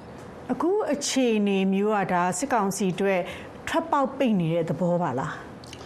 အဲ့လို ထွက်ပေါက်မရှိဘူးဘက်ဖက်ကနေပြီးတော့နိုင်ငံရေးစီရေးတန်တမာရေးဝိုင်းဝန်းပိတ်ဆို့ခံရတဲ့ခါမှာထွက်ပေါက်ကတော့ကြိုးပမ်းဆရာမှာပဲဘယ်သူမှအဲ့လိုကျင်ပြီးတော့အသေးခံတော့မှမဟုတ်ပါဘူးဒါတဘာဝပါပဲဘယ်အင်အားစုမှပုဂ္ဂိုလ်တူချင်းလည်းပဲလွန်နေမှာမဟုတ်ဆိုတော့သူကထွက်ပေါက်ကတော့ရှာနေရပါပဲ ထွက်ပေါက်တွေကတော့သူတို့စူးစမ်းတော့လဲစီးရေးမှလည်းထွက်ပေါက်ရှာရရှိရနိုင်ငံရေးအဖြစ်အခါစန်မဆက်ဆန်ရေးနှီးမျိုးစုံနဲ့ထွက်ပေါက်ရှာနေပါဒါပေမဲ့ဒီထွက်ပေါက်တွေကတကယ်သူတို့လွယ်လွယ်ကူထွက်လာနိုင်တဲ့ထွက်ပေါက်တွေဟုတ်ရလားဆိုတာကတော့စဉ်းစားကြရပါပဲဒါကတော့အဲစီရေးရထွက်ပေါက်ကောရှိနိုင်မှာမလားစီရေးရထွက်ပေါက်ရှိနိုင်လားဆိုတော့အဓိကအဖြစ်သူတို့မှလက်နက်အင်အားတော့ရှိသေးတယ်ရုရှားတို့ဘာတို့ကသူတို့လက်နက်ပင်းနေတယ် လေတပ်အင်အားရှိတယ်အမြောက်နဲ့လှမ်းပစ်နိုင်တဲ့အင်အားတွေရှိတယ်ဒါပေမဲ့လူအင်အားသိမရှိတော့ဘူးစိတ်ဓာတ်ကြဆင်းတယ်ထွက်ပြေးတဲ့လူတွေရှိတယ်လက်နဲ့ဆွန့်သွားတဲ့လူတွေရှိတယ်ခေါင်းဆောင်မှုအပေါ်မှာယုံကြည်မှုနည်းလာကြတယ်တိုက်လို့စိတ်မရှိတော့ဘူးဆိုဒီဟာတွေကိုဖြစ်ဖြစ်တင်းဖို့အတွက်လည်းသူတို့ကဒါလူတိုင်းအသက်အရွယ်ရောက်ပြီးတဲ့လူတိုင်းစိတ်မှုမထမ်းမနေရဥပဒေဆိုတာအတင်းကြလှုပ်လာတယ်ဆိုတာတွေ့ရပါတယ်သူတို့မှအင်အားစိတ်လိုနေလို့ပါ ဒါပေမဲ့လည်းဒီဟာတကယ်တော့ထိရောက်မှုရှိပါမလားဆိုတော့ဘေးကွန်ဘေးကြဖြစ်လာပြန်တယ်သုံးသပ်သူတို့ကဒါကသူတို့လူကျင်တဲ့ဤမှန်ချက်မပေါက်မြောက်ဖဲနဲ့ backfire မလိုလားတဲ့အကျိုးသူတို့ပုံမပြီးတော့ဆန့်ကျင်မှုတွေကပုံမများပြားလာလိမ့်မယ်ဆိုပြီးတော့တွေ့နေရတဲ့လူတွေရှိပါတယ် သူတို့ကတော့သူတို့ကိုထောက်ခံတဲ့ဆန္ဒပြပွဲစစ်မှုမထမ်းမနေရဥပဒေကိုထောက်ခံတဲ့ဆန္ဒပြပွဲတော့ရှိရဆိုပြီးတော့နေရာတစ်ခုတစ်ခုကိုဖော်ပြတာတွေ့ရပါတယ်ဒါပေမဲ့လူများစုကတော့ဘယ်သူမှဒါကိုလက်မခံကြဘူးဒါကိုအကုန်လုံးကန့်ကွက်ရှုတ်ချတဲ့လူတွေပဲဖြစ်ပါတယ်ဆိုတော့ဒါလည်းပဲသူတို့အတွက်စီရေးထွက်ပေါက်ကတော့မဖြစ်နိုင်ပါဘူးစီရေးကဖြင့်ထွက်ပေါက်ပိတ်နေတယ်လို့ပြောမှာဖြစ်ပါတယ်ဒါတော့ အဲ့တော့တခုချင်းစီကြည့်မယ်ဆိုရင်ဒီနိုင်ငံရေးအရာဆိုရင်ရွေးကောက်ပွဲလုပ်မယ်လို့လေတံပြစ်လာပါတယ်ဒါကရောထွက်ပေါက်ဖြစ်လာနိုင်မှာလားဒါလည်းထွက်ပေါက်ဆရာကသိကြတယ်နိုင်ငံရေးထွက်ပေါက်ရွေးကောက်ပွဲလုပ်မယ်ဆိုဘယ်လိုအခြေအနေနဲ့လုပ်မှလဲသူတို့ကရွေးကောက်ပွဲလုပ်ဖို့တိုင်းပြည်ပုံမှန်ဖြစ်သေးဘူးဆိုပြီးတော့တတိပြီးတော့6လတိုးတယ်နောက်တစ်ခါ6လတိုးပုံမှန်မကျင်းနဲ့မဖြစ်ဘူးပြောတာအခုပုံမှန်ချင်းဖြစ်လာလို့လားသူတို့စပြောတဲ့အချိန်နဲ့ဆိုင်ပူလို့လားဆွေးသွားခဲ့တယ်ဟို ရခိုင်ဘယ်လိုလုပ်ရွေးကောက်ပွဲလုပ်မှာဘူးပြင်းပြထန်တိုက်ပွဲဖြစ်နေလို့ဒီတော့မရဘူးထုံးနည်း၎င်းပဲကြရကရင်နီဆိုရင်လည်းပဲအလားတူပဲကချင်းကချင်ကလည်းပြောရွေးကောက်ပွဲမဝင်ရတဲ့ဆိုပြီးတလောလုံးကပဲမနေ့နေ့ကတင်ညာရဲထုတ်တာတွေ့တယ်ကချင် KIA ကထုတ်တာတွေ့တယ်အဲ့လိုပဲကရင်ဒီပြည်နယ်မှာလည်းကရင်ပြည်နယ်မှာလည်းအဲ့လိုဖြစ်နေရတကာမှာအဲ့လိုဖြစ်နေတဲ့အချိန်မှာဘယ်လိုလုပ်ရွေးကောက်ပွဲသွားလို့မှာလဲဆိုတော့ရွေးကောက်ပွဲလုတ်တိုင်းလည်းပဲအဲ့ credibility လူများလက်ခံနိုင်တဲ့ရွေးကောက်ပွဲဖြစ်ရလားဆိုတာစဉ်းစားဖို့လိုပါတယ်စစ်ကောင်စီဘက်ကတော့ရွေးကောက်ပွဲဥပဒေကိုစက်မှတ်ထားတဲ့စည်းကမ်းချက်တွေကိုဆော့ပေါ်ပေးတာရှိတယ်ဒါနိုင်ငံရေးပါတီတချို့နဲ့ခေါ်တွေ့တယ်အဲခေါ်တွေ့ပြီးတော့ဒါရွေးကောက်ပွဲလို့ဖို့ဆိုလေသံတော့ပြစ်လာတယ်ဘယ်အချိန်ဘယ်နေရာဆိုတော့မပြောသေးဘူးနောက်ဒီလိုအခြေအနေဖြစ်နေတဲ့အခါမျိုးမှာရွေးကောက်ပွဲလှုပ်လာခြင်းအပြင်ရွေးကောက်ပွဲ မှာဖြစ်လာမဲ့အကြမ်းဖက်စုမှုတွေပိုပြီးဆိုးရွားလာနေပါတယ်ရွေးကောက်ပွဲမှာတချို့မြန်မာနိုင်ငံရဲ့တည်ငြိမ်တဲ့နိုင်ငံတွေမှာတော့ကြည်ပါအင်းကြီးနိုင်ငံတွေမှာအာဘင်္ဂလားဒေ့ရှ်ဘာမှရွေးကောက်ပွဲဖြစ်တော့ဘလောက်ပဋိပက္ခဖြစ်ရလဲဆိုတာအဲ့ဒါမျိုးတွေမကြာခဏဖြစ်ရတယ်ဆိုတော့အခုမြန်မာနိုင်ငံလိုအခြေအနေမျိုးမှာရွေးကောက်ပွဲလုပ်ရင်တော့ရွေးကောက်ပွဲဟာစူပူအုံကြွားမှုကိုပို့ပြီးတော့ဆွတ်ပြီးရွေးကောက်ပွဲမျိုးသာဖြစ်လိမ့်မယ်ထွက်ပေါက်တော့မဖြစ်လာနိုင်ဘူးလို့ခံမှန်းရပါတယ်များစွာ တန်တမန်ဆက်ဆံရေးအနေနဲ့ပြောမယ်ဆိုရင်လာအိုကအာဆီယံအလှည့်ကျဥက္ကဋ္ဌတာဝန်ယူတဲ့အချိန်မှာသူစစ်ကောင်စီအတွက်တစုံတရာထွက်ပေါက်ရဖို့အတွက်စစ်ကောင်စီအတွက်တစုံတရာအသက်ရှူပေါက်ရဖို့အတွက်လှုပ်လာနိုင်မှာလားအခုကတော့လာအိုအလှည့်ကျဥက္ကဋ္ဌဖြစ်တဲ့အချိန်မှာစစ်ကောင်စီကဒီနိုင်ငံရေးဟူစလေမဟုတ်တဲ့အရာရှိကြီးတယောက်ကိုသူတို့စီမှာ အစည်းအဝေးတက်ဖို့ဆီလွတ်ခဲ့တာရှိပါတယ်ဒီဟာကိုအစတုန်းကစစ်ကောင်စီကတင်းခံထားခဲ့တာအာဆီယံကမင်းတို့ဟာအာဆီယံငါးချက်ကိုမလိုက်နိုင်တဲ့အတွက်ကြောင့်အာဆီယံကိုမင်းတို့ရဲ့နိုင်ငံရေးကိုယ်စားလှယ်လက်မခံဘူးနိုင်ငံရေးကိုယ်စားလှယ်မဟုတ်တဲ့အဆင့်ဝင်ကတော့လက်ခံမယ်ဆိုတော့ပြောခဲ့တယ်အင်ဒိုနီးရှားမှာစီဝေကျင်းပစဉ်တုန်းကအဲ့ဒီဟာကိုမြန်မာနိုင်ငံစစ်ကောင်စီကဒါကိုလက်မခံခဲ့ဘူးလက်မခံခဲ့လို့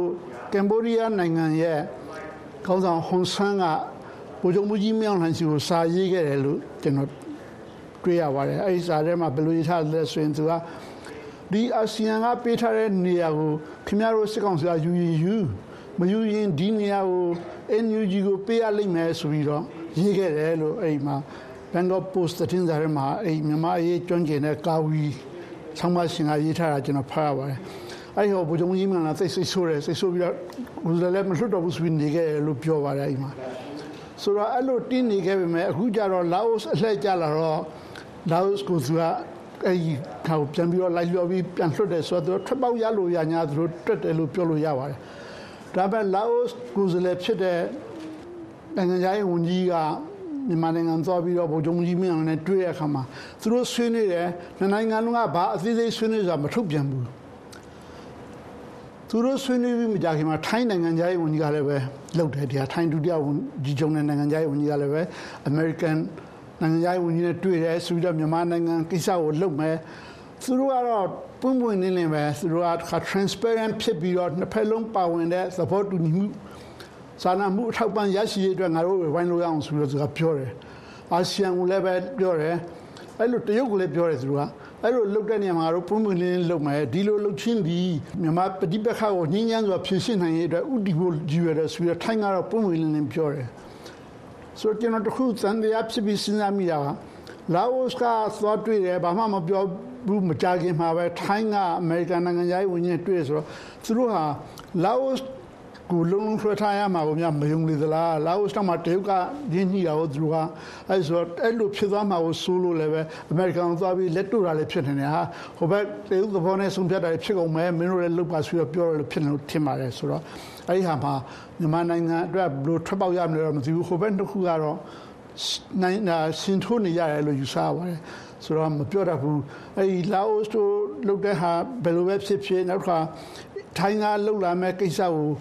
လက်ခံတယ်နှစ်ဖက်လုံးကလက်ခံကြတယ်ဆိုရင်တော့တမျိုးတမျိုးထွက်ပေါက်ရနိုင်ပါတယ်အခုအထိကတော့ NUG ဘက်ကလည်းပဲအာဆီယံကိုလုံးဝလက်မခံတဲ့သဘောပြောထားတာတွေ့ရပါတယ်ဟုတ်ပါတယ်မြန်မာရေးကဒီနိုင်ငံတကာကလည်းဝိုင်းပြီးတော့စူးစမ်းနေကြတာပါအဲ့တော့ဒီခရီးနီးပြီလားလို့မေးရမယ်ဆိုရင်ဥကျော်စံတာရဲ့အဖြေကိုသိပြရစီဒီခရီးဆိုတာအမြန်မာပြည်သူတွေရဲ့ခရီးပန်းနိုင်ကတော့တကယ်တော့ Federal Democracy ပြည်ထောင်စုထူထောင်ရေးဖြစ်ပါတယ်ဒီ Federal Democracy တိဆောက်ရေးခရီးလမ်းမှာအဓိကပိတ်ဆို့ထားတဲ့အုတ်တိုင်းကြီးကတော့ဆက်အနာရှင်စနစ်ဖြစ်ပါတယ်ဆိုတော့ဒီဆက်အနာရှင်စနစ်ဆိုတဲ့အုတ်တိုင်းကြီးကိုဖြိုချရမယ်ဆိုတော့အခုကြတော့စစ်တပ်ကခဏခဏဖြစ်နေပြီဆိုတော့စစ်တပ်ရိုင်နေနေပြီပေါ့လေအဲ့လိုပြောလို့ရတယ်ဆိုတော့စစ်ကောင်းဆောင်နေရာမှာနောက်တစ်ယောက်အစားထိုးလိုက်ရင်ကောစစ် အာဏာရှင်စနစ်ဆိုတာစနစ်ကြီးပြတ်သွားမလားမေးကြရှိတယ်စနစ်တစ်ခုလုံးပြတ်သွားတော့နည်းနည်းလောရ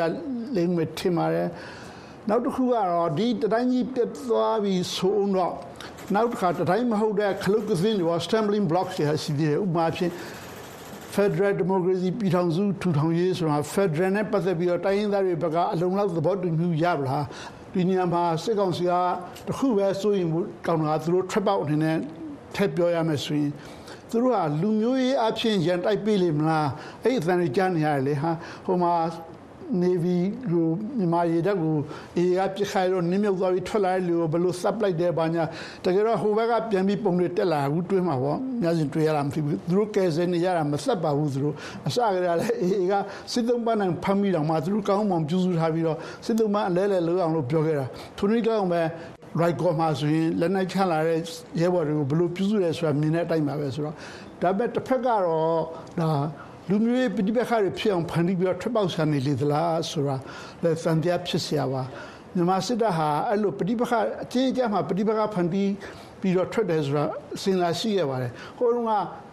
စံပြဒနာဖြစ်လာတော့ကတရုတ်ဗမာအဒီကရုံးကိုသူတို့ဖန်တီးခဲ့တာရှိတယ်တခါမိထီလာမှာဒီ မွတ်စလင်ဗုဒ္ဓဘာသာပဋိပက္ခတွေဖန်တီးခဲ့တာအဲ့အမျိုးမျိုးမျိုးလုပ်တတ်ပါတယ်ဆိုတော့ဒီဟာကိုတော့သူဒီထားဆောင်ကြည့်ရမှာပေါ့လေဒါပေမဲ့အဲ့ဒီအခက်အခဲတွေလည်းကြော်လွှားနိုင်တယ်ဆိုရင်တော့ညစဉ်မိတဲ့ဒီခီးဟာဒီခီးကသိမဝေးတော့ဘူးပေါ့တစင်ပြီးတစင်ကြတာမဲ့ခလုတ်ကသင်းတွေကတော့အများကြီးဖျက်အောင်မှဖြစ်ပါတယ်ဆီယနာရှင်စရက်တိုင်းကြီးကိုလည်းပဲအပီးပြတ်ရှင်းရှင်းလင်းဖယ်ရှားနိုင်မှသာလေ တဖြည်းဖြည်းရှေ့ကိုတူလာမှဖြစ်တယ်လို့ပဲပြောမှဖြစ်ပါတယ်နောက်တစ်ခုမေးချင်တာရှိပါတယ်ဟိုကျမတို့ဒီဆွေးနွေးခန်းပေါ့နော်အပတ်စဉ်တင်ဆက်နေတဲ့ဆွေးနွေးခန်းမှာဥကျော်စံတာရဲ့ဆွေးနွေးသုံးသက်ချက်တွေကိုနှစ်သက်တဲ့သူတွေရှိသလိုမကောင်းမြင်တတ်လွန်းတယ်ဆိုပြီးတော့ဝေဖန်တဲ့သူတွေ comment မှာလာရေးတဲ့သူတွေလည်းတွေ့ပါတယ်ဒီပေါ်မှာဥကျော်စံတာအနေနဲ့ဗာပြောချင်ပါလဲအာတကယ်တော့ ကျွန်တော်တို့ကသတင်းသမားတွေပါကျွန်တော်တို့ကအမှန်ကိုအချက်လက်ကိုအခြေခံပြီးတော့ဒါ facts based analyze လုပ်ရတာဖြစ်ပါတယ်အချက်လက်ကိုအခြေခံပြီးတော့သုံးသပ်ခြင်းသာဖြစ်ပါတယ်ကျွန်တော်ဘာမှပူပြီးတော့ဟိုဘက်ဒီဘက်ရင်းပြီးမပြောပါဘူးကျွန်တော်စိတ်ထဲမှာဘယ်လိုပဲရှိနေရှိနေကျွန်တော်ဟာဒီ view ဟိုအစီမြင့်ကိုအဆုံးပြုပြီးတော့ကျွန်တော်ဆန္ဒတိုင်းပြောလို့လည်းမရပါဘူးကျွန်တော်ဟာအခြေအနေမှန်ကိုအမှန်တိုင်းကျွန်တော်သုံးသပ်ပြီးတော့ကျွန်တော်ပြောမိတာသာဖြစ်ပါတယ် ဆိုတော့ကျွန်တော်မကောင်းမြင်တဲ့လွန်းတယ်လို့ဝေဖန်အပြစ်တင်သူတွေရှိရင်လည်းသူတို့လည်းပဲလွတ်လပ်စွာတင်နိုင်ပါတယ်ကျွန်တော်ကဒီမိုကရေစီကိုလက်ခံတဲ့မီဒီယာဖြစ်ပါတယ်လွတ်လပ်ဝေဖန်နိုင်ပါတယ်အပြစ်တင်တာရှိတယ်တချို့ဆက်ဆိုကြတာတော့ရှိရပြပြပြောကြပါစေဒါလည်းပဲကျွန်တော်တင်းခံမှာဖြစ်ပါတယ်လို့ပဲပြောပြရစီဖြစ်စေဟုတ်ကဲ့ပါအခုလိုဆွေးနွေးပေးတဲ့အတွက်ကျေးဇူးတင်ပါတယ်ဦးကျော်စံတာရှင်ဟုတ်ကဲ့ဆက်လက်ဆွေးနွေးကြပါမ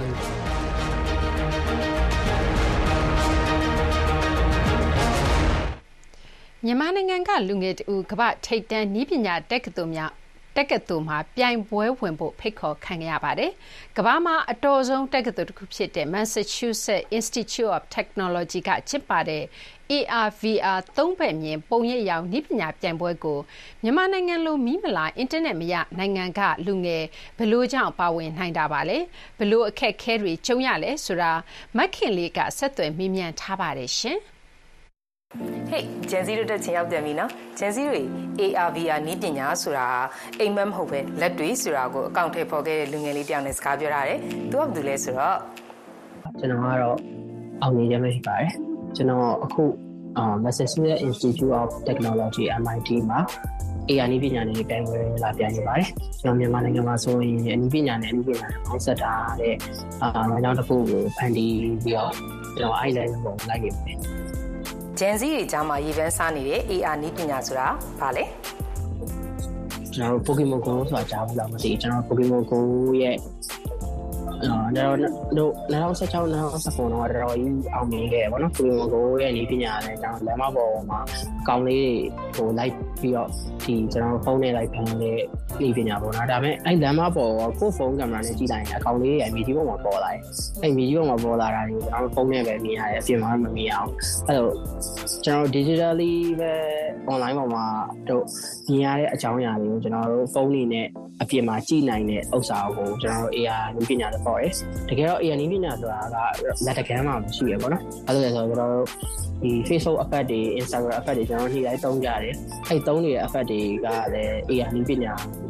ပေါ့နော်။ဆယ်တဲ့အောင်တွေက ARVR နီးပညာကိုစိတ်ဝင်စားပြီးတီထွင်ဖန်တီးခဲ့တဲ့သူရည်စရာအနေနဲ့လှောင်ပြောင်တာကိုလည်းခံခဲ့ရတယ်တဲ့။လူငယ်တယောက်နေရဆိုကျွန်တော်တို့မြန်မာနိုင်ငံရဲ့ဟိုကြည်လိုက်မယ်ဆိုရင်တော့ဒါကြီးက AR နည်းပညာကြီးကမဖြစ်နိုင်ဘူးလို့အရင်ယူဆကြရပါတော့။ဒါပေမဲ့မဖြစ်နိုင်အောင်ဖြစ်ချင်အောင်လှုပ်ချင်တယ်ပဲရှိတာလှုပ်ပြလိုက်တာမရှိသေးတဲ့အခြေအနေမျိုးမှာကျွန်တော်အဲ့လိုယူနေယူနေရလို့ထင်ကြပါဘာလို့လဲကျွန်တော်က တငယ်ချင်းတွေဆိုတော့အချင်းချင်းဖုံဖုံပါပဲရှောက်ပြောတာဘာလို့လဲဆိုတော့ Mansuka Val လို့ဖြစ်ချင်တယ်အဲ Elon Musk ဆိုပြီးဖြစ်ချင်တယ်ဒါပေမဲ့သူတို့ကပြောမင်းတို့အခြေအနေဖြစ်နေတယ်မင်းကအကြောင်းမှဆက်မတက်တာပေါ့အဲ့လိုမျိုးဆိုတော့ကျွန်တော်ကညာငါလိုပဲအကြောင်းစက်မတက်ပါနဲ့တော့အဲ့လိုမျိုးတကယ်ကိုလမ်းကြောင်းကိုရှောင်နေတာလူအများကြီးပဲပေါ့အဲ့လိုမျိုးအခြေအနေနဲ့ကြောက်ကစားဖြစ်နေခဲ့ရတယ်တော့အများကြီးတော့ရှိရပါတော့ပြီးတော့ကျွန်တော်စိတ်ညစ်တဲ့အချိန်တွေကတော့အများကြီးပဲပေါ့နော်ဒါကိုယ်ယူနေတာဆိုတာတဲ့သူတို့က ကိုကိုမြင်နေရအောင်ဘာလို့မမြင်ရတာလဲကိုအတွက်ကျွန်တော်တော့က upset တာဖြစ်တာပါကျွန်တော်အရင်စိတ် depression ဝင်တာပေါ့ကိုဒီမှာအကောင့်လိုက်ယူနေနေတာဒါကိုသူတို့လည်းမြင်နေဒါကိုဘာလို့လက်မခံလဲမဖြစ်နိုင်တာကိုဖန်တီးနေတဲ့သူတရားလို့လူတွေကသတ်မှတ်ထားတဲ့သူကိုတကယ့်ကိုကဘာအစစ်မြင့်ဤပညာတက္ကသိုလ်ကြီးတစ်ခုကဖိတ်ခေါ်တာကိုခံထားလိုက်ရတဲ့အခါကျတော့သူစိတ်ထဲမှာဘယ်လိုခံစားရမလဲလို့ထင်တယ် ကျွန်တော်ကလည်းကိုယ့်အရေးချင်းတက်ဆိုင်ကျွန်တော်လှုပ်လာခဲ့တဲ့လမ်းကြောင်းနဲ့ history ကိုသူများကို judge လုပ်စေချင်တာအဲဒီလိုဆရာကြီးတွေက judge လုပ်လိုက်ရင်ကျွန်တော်က judge လုပ်ခံနေတာပဲရှိရတကယ်ရမလားမရမလားကျွန်တော်မမျော်လင့်တာဒါပေမဲ့သူတို့ကတကယ်တော့ရွေးလာတယ်ရွေးလဲရွေးသွားကျွန်တော်အရန်အံ့ဩပြီးတော့အိမ်ကိုပြောရပါတော့ MIT MIT ဆိုတော့လည်းအိမ်ကမယုံအဘာပြောနေရလဲပေါ့ပြီးတော့ကသူတို့ကကျွန်တော် legal email တွေနဲ့ဆက်သွယ်လာတယ်သူတို့ delay တုံးနေနဲ့ပို့ရဲအဲ့ဒါမှအိမ်ကယုံသွားတယ်တော့ကျွန်တော်လွတ်လိုက်တာပေါ့နော်အဲ့ဒါအခုဝင်ပြိုင်ခွင့်ရတာပေါ့ဟောတာတော့တော်တော်ပြောပြောတယ်ကြော်တာတဲ့ဆိုင်ကြီးကိုလိုလူတွေပဲကျွန်တော်မယူဘူးပေါ့နော်အဲ့မယူဆိုတာကိုစက်သိပြလို့ရတယ်ပုံစံကိုဆက်သွားတာပေါ့သူပြိုင်ပွဲဝင်ငယ်တော့တွေ့ကြုံတွေကိုလည်းပြောပြထားသေးတယ်ကျွန်တော်ဆိုအခုပြိုင်နေပြိုင်ပွဲမှာကကျွန်တော်က contribute လုပ်တဲ့အကြောင်းအရာကျွန်တော် story line ရှိတယ်အဲ့ဒါကိုတို့ကနှစ်ရက်အတွင်းချက်ချင်းထွင်နိုင်တယ်ဒီမှာပြီးမှဆို10နှစ်လောက်ကြာမဲ့ဥစ္စာမျိုးတွေအဲ့ဒါမျိုးနှစ်ရက်အတွင်းချက်ချင်းထွင်နိုင်တယ်ကျွန်တော်အရန်လန့်အောင်ပေါ့နော်ဒါကလေဒီလိုလာပြိုင်တဲ့လူတွေရတယ်ကျွန်တော်တို့အာ Harvard တို့ဒီ Stanford တို့ Yale တို့ Columbia တို့အဲစရှိရ Ivy League ကကျောင်းသားကျောင်းသူတွေရှိရအဲပြီးတော့ University ကျောင်းသားကျောင်းသူတွေမကောက်ဘူးသူတို့ professor တွေရော စာဆရာမတွေရောဆရာတွေရောကိုယ်တိုင်လာပြန်ကြရတော့သူတို့ brain တွေကတအားကောင်းသူတို့ဘာပဲဖြစ်နေမလို့ဆွင်မှာပဲတုံးမှာပဲအဲ့လိုလူတွေကအများကြီးရှိရယ် researcher တွေပါတယ်အဲ့လို ARV ကုမ္ပဏီကဆရာ CEO တွေပါတယ်ပါတယ်အဲ့လိုတော်တော်ကြီးများကြရပါတော့မီးလဲမလာသလိုအင်တာနက်အခက်အခဲတွေကြုံတွေ့နေရတဲ့မြန်မာပြည်ကသူ့လိုမျိုးဖန်တီးခြင်းတဲ့လူငယ်တွေအတွက်လည်းအခုလိုမျိုးအားပေးစကားပြောထားသေးတယ်။ကိုဘာလို့စခဲ့လဲဆိုတော့အမြဲပြန်စဉ်းစားတယ် ကိုယ့်ရဲ့ရည်ရွယ်ချက်ကအဆုံးထိရောက်ပြီလားကိုယ့်ကိုထိပြီလားတကယ်တော့မထိသေးဘူးဆိုဆက်တာလို့ကျွန်တော်ဒီမှာအဆက်လေးချလိုက်တယ်ဒါပေမဲ့အဲ့အဆက်ကိုတခါရဲဘာပဲလုပ်နေလုပ်နေတခါရဲဆက်သွားမယ်လမ်းကြောင်းတစ်လိုက်ရတယ်တခုခုပေါ်လာလိမ့်မယ်အဲ့အဆက်တွေသာရှောက်ချနေလုပ်ကြလုပ်တာလုပ်တာလုပ်တယ်အဲ့လိုမျိုးတော့ပြောချင်တယ်ဟုတ် ကဂျန်စီတွေဘသူတွေကပဲကိုယ်တိုက်ခိုက်နေပါစေစိတ်တကြအောင်ပဲလှုပ်လှုပ်ကိုဖြစ်ချင်တဲ့အရာတစ်ခုကိုဇွဲရှိရှိနဲ့ဆက်သွားမယ်ဆိုလို့ရှိရင်ကိုရီမှန်းထားတဲ့အရာတစ်ခုရောက်ဖို့ကလက်တကမ်းပဲဆိုတာဒီလူငယ်လေးကတက်တည်ပြသွားတယ်နော်ကဲဒီတစ်ပတ်တော့ဒီလောက်ပဲနောက်တစ်ပတ်မှာပြန်ဆုံတွေ့ကြရအောင်တတာ 22ကြိမ်မြောက်ကမ္ဘာရေကူးပြိုင်ပွဲကို ကာတာနိုင်ငံ ဒိုဟာမှာ ကျင်းပခဲ့ကြပြီး နိုင်ငံတကာ ရေကူးချန်ပီယံတွေ အကျိတ်နဲ့ရှင်ပြိုင်ခဲ့ကြပါတယ်။အမေရိကန်က ကမ္ဘာကျော် ဂေါက်သီးချန်ပီယံ Tiger Woods ဟာ ပြီးခဲ့တဲ့တပတ်က ကျင်းပတဲ့ Genesis ဂေါက်သီးပြိုင်ပွဲကနေ ဆက်မကစားဘဲ ဘာကြောင့် ထွက်လိုက်တာပါလဲ။ဒီလို တပတ်အတွင်း အားကစားသတင်းတွေကိုတော့ ကိုရန်နိုင်တင်ဆက်ပေးသွားမှာ ဖြစ်ပါတယ်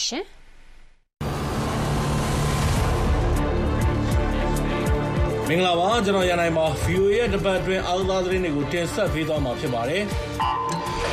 So this is the 200 meters back. 22ကြိမ်မြောက်ကမ္ဘာရေကူးချန်ပီယံရှစ်ပြိုင်ပွဲကိုတော့ကာတာနိုင်ငံဒိုဟာမြို့မှာဖေဖော်ဝါရီ2ရက်နေ့ကနေ18ရက်နေ့ထိကျင်းပခဲ့ပါတယ်။ဖေဖော်ဝါရီ16ရက်နေ့ကအမျိုးသားမီတာ200ဖက်လက်ကူးပြိုင်ပွဲမှာတော့စပိန်နိုင်ငံက Hugo Gonzalez ကနိုင်ရပြီးတော့ပထမရသွားခဲ့ပါတယ်။နောက်ဆုံး final မှာ Gonzalez နဲ့ Switzerland က Mitrokov တို့အကျိတ်နဲ့ရှင်ပြိုင်ခဲ့ကြပြီးတော့ Gonzalez က3.130စက္ကန့်နဲ့ပုခါတီကအနိုင်ရပြီးတော့ရွှေစိတ်ရသွားပါတယ်။ hoping to inspire uh, young swimmers in Spain uh, get more people involved into ကျွန်တော်အနေနဲ့စပိန်နိုင်ငံကလူငယ်ရေကူးအားကစားသမားတွေကိုအားကြောက်အောင်လုပ်နိုင်လိမ့်မယ်လို့မျှော်လင့်ပြီးရေကူးပြိုင်ပွဲတွေကိုပို့ပြီးတော့အားပေးဖို့မျှော်လင့်ပါတယ်ပြီးတော့ကျွန်တော်ရဲ့အသင်းဖော်တွေမိသားစုတွေနဲ့ပြည်သက်တွေကဂုဏ်ယူကြမယ်လို့မျှော်လင့်ပါတယ်ကွန်ဆာလက်စ်ဟာ မီတာ100ပက်လက်ကူပြိုင်ပွဲမှာလည်း ဒုတိယရခဲ့တာကြောင့် ဒါဟာ သူ့အတွက်တော့ ဒီနှစ် ကမ္ဘာရေကူးချန်ပီယံရှစ်ပြိုင်ပွဲမှာ ဒုတိယမြောက် ဆုစိတ်လည်း ဖြစ်ပါတယ်။ဖေဖော်ဝါရီ19ရက်နေ့က အမျိုးသားမီတာ100လိပ်ပြကူးပြိုင်ပွဲမှာတော့ ပေါ်တူဂီနိုင်ငံက အသက်19နှစ်အရွယ်ဒီယေဂိုရိုဘယ်ရိုကရွှေစိတ်ရပြီးတော့ဩစတြေးလျကဆိုင်မွန်ဘော့ချာကဒုတိယရပါတယ်။ ရဘယ်ရိုဟာအမျိုးသားမီတာ90လိပ်ပြကူးပြိုင်ပွဲမှာလည်းရွှေစိတ်တစ်ခုရထားတဲ့အတွက်ဒါဟာသူ့အတွက်တော့ဒီပြိုင်ပွဲရဲ့ဒုတိယမြောက်ရွှေစိတ်ဖြစ်ပါတယ် I mean I have no words because I, I never have words for this Uh, I was I wasn't expecting one gold ကျွန်တော်အနေနဲ့ပြောမပြတတ်အောင်ပါပဲကျွန်တော်အနေနဲ့ရွှေတစ်ခုရဖို့မမှန်းခဲ့တယ်လို့နှစ်ခုရဖို့ပိုလို့တော့မမှန်းခဲ့ပါဘူးကျွန်တော်အနေနဲ့ကတော့စ조사ရကြိုးနဲ့တဲ့ဆိုရဲစိတ်ဖြစ်မိပြီးအဲ့ဒီစိတ်နဲ့နိုင်ငံကိုပြန်มาဖြစ်ပါတယ် အဲ့ဒီအတွက်လဲကျွန်တော်ရဲ့အသင်းဖော်တွေပံ့ပိုးသူတွေမိသားစုဝင်တွေနဲ့ကျွန်တော်ရဲ့ချစ်သူကိုလည်းကျေးဇူးတင်ပါတယ်မျိုးသမီးမီတာ800လက်ပစ်ကူပြိုင်ပွဲတွေမှာတော့အီတလီနိုင်ငံက Simona Quadrella နဲ့ Germany က Isabel Goose တို့အကျိတ်နဲ့ဖြစ်ခဲ့ကြပြီးတော့ Quadrella က Goose ကို3.39စက္ကန့်အသာနဲ့ကပ်ပြီးတော့နိုင်ရပြီးရွှေစိတ်ရသွားပါတယ်။အခုလိုဒီရွှေစိတ်ရခဲ့တဲ့နဲ့ပတ်သက်ပြီးတော့ Quadrella ပြောတာကတော့ My my best race I think uh, I'm really happy about this ဒါကကျမအတွက်တော့အကောင်းဆုံးပြိုင်နိုင်ခဲ့တဲ့ပွဲလို့ထင်ပါတယ်အဲ့အတွက်လည်းကျမဝမ်းသာမိပါတယ်တော်တော်လေးမောပါတယ်ရှင်ဆောက်ဆချင်းမှာတော့ပုံမှန်ပဲကူးခဲ့ပြီးတော့ဒီနောက်ပိုင်းဒုတိယပိုင်းမှာတော့အရှိန်တင်ပြီးတော့အမြန်ကူးခဲ့ပါတယ်အခုလိုမျိုးနိုင်တဲ့အတွက်တကယ်ကိုပျော်ပါတယ် လူမီမီတာ90လိပ်ပြကူပြိုင်ပွဲမှာတော့ဆွီဒင်နိုင်ငံကနာမည်ကြီး Sarah Sjöström ကအနိုင်ရပြီးတော့မီတာ90လိပ်ပြကူပြိုင်ပွဲမှာ6နှစ်ဇက်တိုက်ရွှေစိတ်ရသွားခဲ့ပါတယ်။ဒါပြင်18ရက်နေ့ကအမျိုးသမီးမီတာ90လက်ပစ်ကူပြိုင်ပွဲမှာလည်း Sarah Sjöström ဟာ23.69စက္ကန့်နဲ့ပထမရွှေစိတ်ကိုရခဲ့ပါတယ်။ဒါဟာသူ့အတွက်တော့ကမ္ဘာရေကူးချန်ပီယံရှစ်ပြိုင်ပွဲရဲ့မီတာ90လက်ပစ်ကူပြိုင်ပွဲမှာ3ချိန်ဇက်တိုက်ပိုဆွဲတာလည်းဖြစ်ပါတယ်။ this medal. It was a a lot of pressure without ကျေးဇူးတင်ပါတယ်။ကျွန်မအနေနဲ့ဒီဆုကိုရတဲ့အတွက်အရန်ကုန်ယူပါတယ်။ကျန်တဲ့ဒုတိယနဲ့တတိယရသွားတဲ့နှစ်ယောက်ကလည်း24စက္ကန့်အောက်ကူးနိုင်တဲ့သူတွေဆိုတော့ PR အရန်များပါတယ်။ဒီပွဲကိုအနိုင်ရလိုက်တဲ့အတွက်လာမယ့် Paris Olympic ပြိုင်ပွဲအတွက်ယုံကြည်မှုရသွားခဲ့ပြီးတော့ဘယ်လိုမျိုး PR မျိုးကိုမဆိုရင်ဆိုင်ပြီးတော့အကောင်းဆုံးပြိုင်နိုင်တယ်လို့ထင်ပါတယ်။ ကာတာနိုင်ငံမှာကျင်းပခဲ့တဲ့အခုချိန်ကမ္ဘာရေကူးပြိုင်ပွဲကိုတော့နာမည်ကြီးကစားသမားတွေအများအပြားဝင်ပြိုင်ခဲ့တာကိုတွေ့ခဲ့ရပြီးတော့အဲ့ထဲမှာအမေရိကန်ကနာမည်ကြီး Katie Ledecky လည်းပါဝင်ခဲ့ပါတယ်ခင်ဗျာ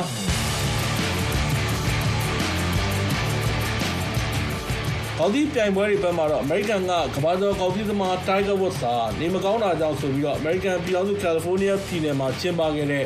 The Genesis Invitational ကော်ဒီပြိုင်ပွဲရဲ့ဒုတိယနေ့မှာပြိုင်ပွဲကနေထွက်လိုက်ပါတယ်။ ဒါဟာ Tiger Woods အတွက်တော့ပြီးခဲ့တဲ့ April လကစပြီးတော့ပထမဆုံးအကြိမ်ပြန်ကစားတဲ့ PGA Tour ခေါက်သီးပြိုင်ပွဲလည်းဖြစ်ပါတယ်။ Tiger Woods ကအဲ့နေ့က6ကျင်းကစားပြီးတဲ့အချိန်မှာပါတခြင်းပဲရခဲ့ပြီးတော့နေမကောင်းတာကြောင့်ပြိုင်ပွဲကိုဆက်မကစားနိုင်တော့ဘဲထွက်လိုက်တာဖြစ်ပါတယ်ခင်ဗျာ။ဘောလုံးသတင်းတွေဘက်မှာတော့တောင်ကိုရီးယားအသင်းကနီးပြ Jurgen Klinsmann ကိုနီးပြဖြစ်ကနေထုတ်ပယ်လိုက်ပါပြီ။ ကာတာမှာကျင်းပတဲ့ပြီးခဲ့တဲ့အာရှဖလားဘောလုံးပွဲမှာတောင်ကိုရီးယားအသင်းဟာဆီမီဖိုင်နယ်မှာဂျော်ဒန်ကိုရှုံးပြီးချန်ပီယံမဖြစ်ခဲ့တာကြောင့်တောင်ကိုရီးယားဘောလုံးဖွဲ့ချုပ်က Klinsmann ကိုနီးပြရာထူးကနေထုတ်ပယ်လိုက်တာဖြစ်ပါတယ်။ 크리스만 감독은 감독으로서의 တောင်ကိုရီးယားဘောလုံးဖွဲ့ချုပ်ဥက္ကဋ္ဌချွန်မောင်ကျူးကတော့ Klinsmann လက်ထက်မှာတောင်ကိုရီးယားအသင်းဟာမျှော်မှန်းထားသလောက်အောင်မြင်မှုမရခဲ့ကြောင်းနဲ့ Klinsmann ဟာလည်းလက်ရွေးစင်အသင်းနီးပြတယောက်အနေနဲ့ဥဆောင်မှုကိုမပြသနိုင်ခဲ့ဘူးလို့ပြောပါတယ်။သူ့ကိုဝေဖန်တဲ့အချက်တွေထဲမှာ Klinsmann ဟာအသင်းခြေစွမ်းမပြနိုင်တဲ့အချိန်မှာတော့အပြုံးမပြတ်ပဲရှိနေတာပြီးတော့တောင်ကိုရီးယားမှာတစ်ချိန်လုံးရှိမနေပဲတချို့အချိန်တွေမှာလက်ရှိနေထိုင်နေတဲ့အမေရိကန်နိုင်ငံ LA မြို့ကနေအလုပ်လုပ်ခဲ့တာတွေလည်းပါဝင်ပါတယ်။ တောင်ကိုရီးယားဘောလုံးအသင်းဟာ အာရှဖလားချန်ပီယံဆုကို ၁၉၅၆ နဲ့ ၆၀ ခုနှစ်တွေမှာ ၂ ကြိမ် ဗိုလ်စွဲခဲ့ပြီး အဲဒီနောက်ပိုင်းမှာ တကြိမ်မှ ဗိုလ်မစွဲခဲ့ဘဲ ဆုဖလားနဲ့ ဝေးနေခဲ့တာဟာ ၆၄ နှစ် ရှိသွားခဲ့ပြီဖြစ်ပါတယ်။ဒီတကြိမ်မှာ ဗိုလ်စွဲမယ်လို့ အတော်များများက ခန့်မှန်းခဲ့ကြပေမယ့်လည်းအခုလို ဆီမီးဖိုင်နယ်မှာ ရှုံးသွားခဲ့တဲ့အတွက် နည်းပြ Klinsmann ကို ရာထူးကနေ ထုတ်ပယ်လိုက်တာဖြစ်ပါတယ်။ Klinsmann နေရာမှာ အစားထိုးဖို့အတွက်တော့ တောင်ကိုရီးယားက နာမည်ကြီးကစားသမားဟောင်း Hong Myung-bo ကို အခုလောလောဆယ်မှာ ယာယီနည်းပြအဖြစ် ခန့်သွားမှာဖြစ်တယ်လို့ တောင်ကိုရီးယားဘောလုံးအဖွဲ့ချုပ်ကတော့ကြေညာထားပါတယ်ခင်ဗျာ။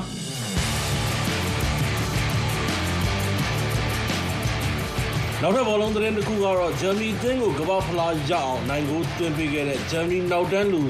Andreas Bremer ဟာဖေဖော်ဝါရီ၂၀ရက်နေ့ကကွယ်လွန်သွားခဲ့ပါတယ်။၁၉၉၀ကမ္ဘာ့ဖလားဖိုင်နယ်မှာအနောက်ဂျာမနီအသင်းကအာဂျင်တီးနားကို၁ဂိုးဂိုးမရှိနဲ့နိုင်တဲ့ပွဲမှာအနောက်ဂျာမနီအတွက်အနိုင်ဂိုးကို Bremer ကပယ်နယ်လ်တီကနေသွင်းပေးခဲ့တာပါ။ Andreas Bremer ဟာ အင်္ဂါနေ့ညက အသက် ၆၃ နှစ်အရွယ်မှာ ရုတ်တရက် နှလုံးရပ်ပြီး ကွယ်လွန်သွားခဲ့တာဖြစ်တယ်လို့ ပြောပါတယ်။ဂျာမနီရဲ့ ဘယ်နောက်ခံလူဖြစ်တဲ့ Bremer ဟာ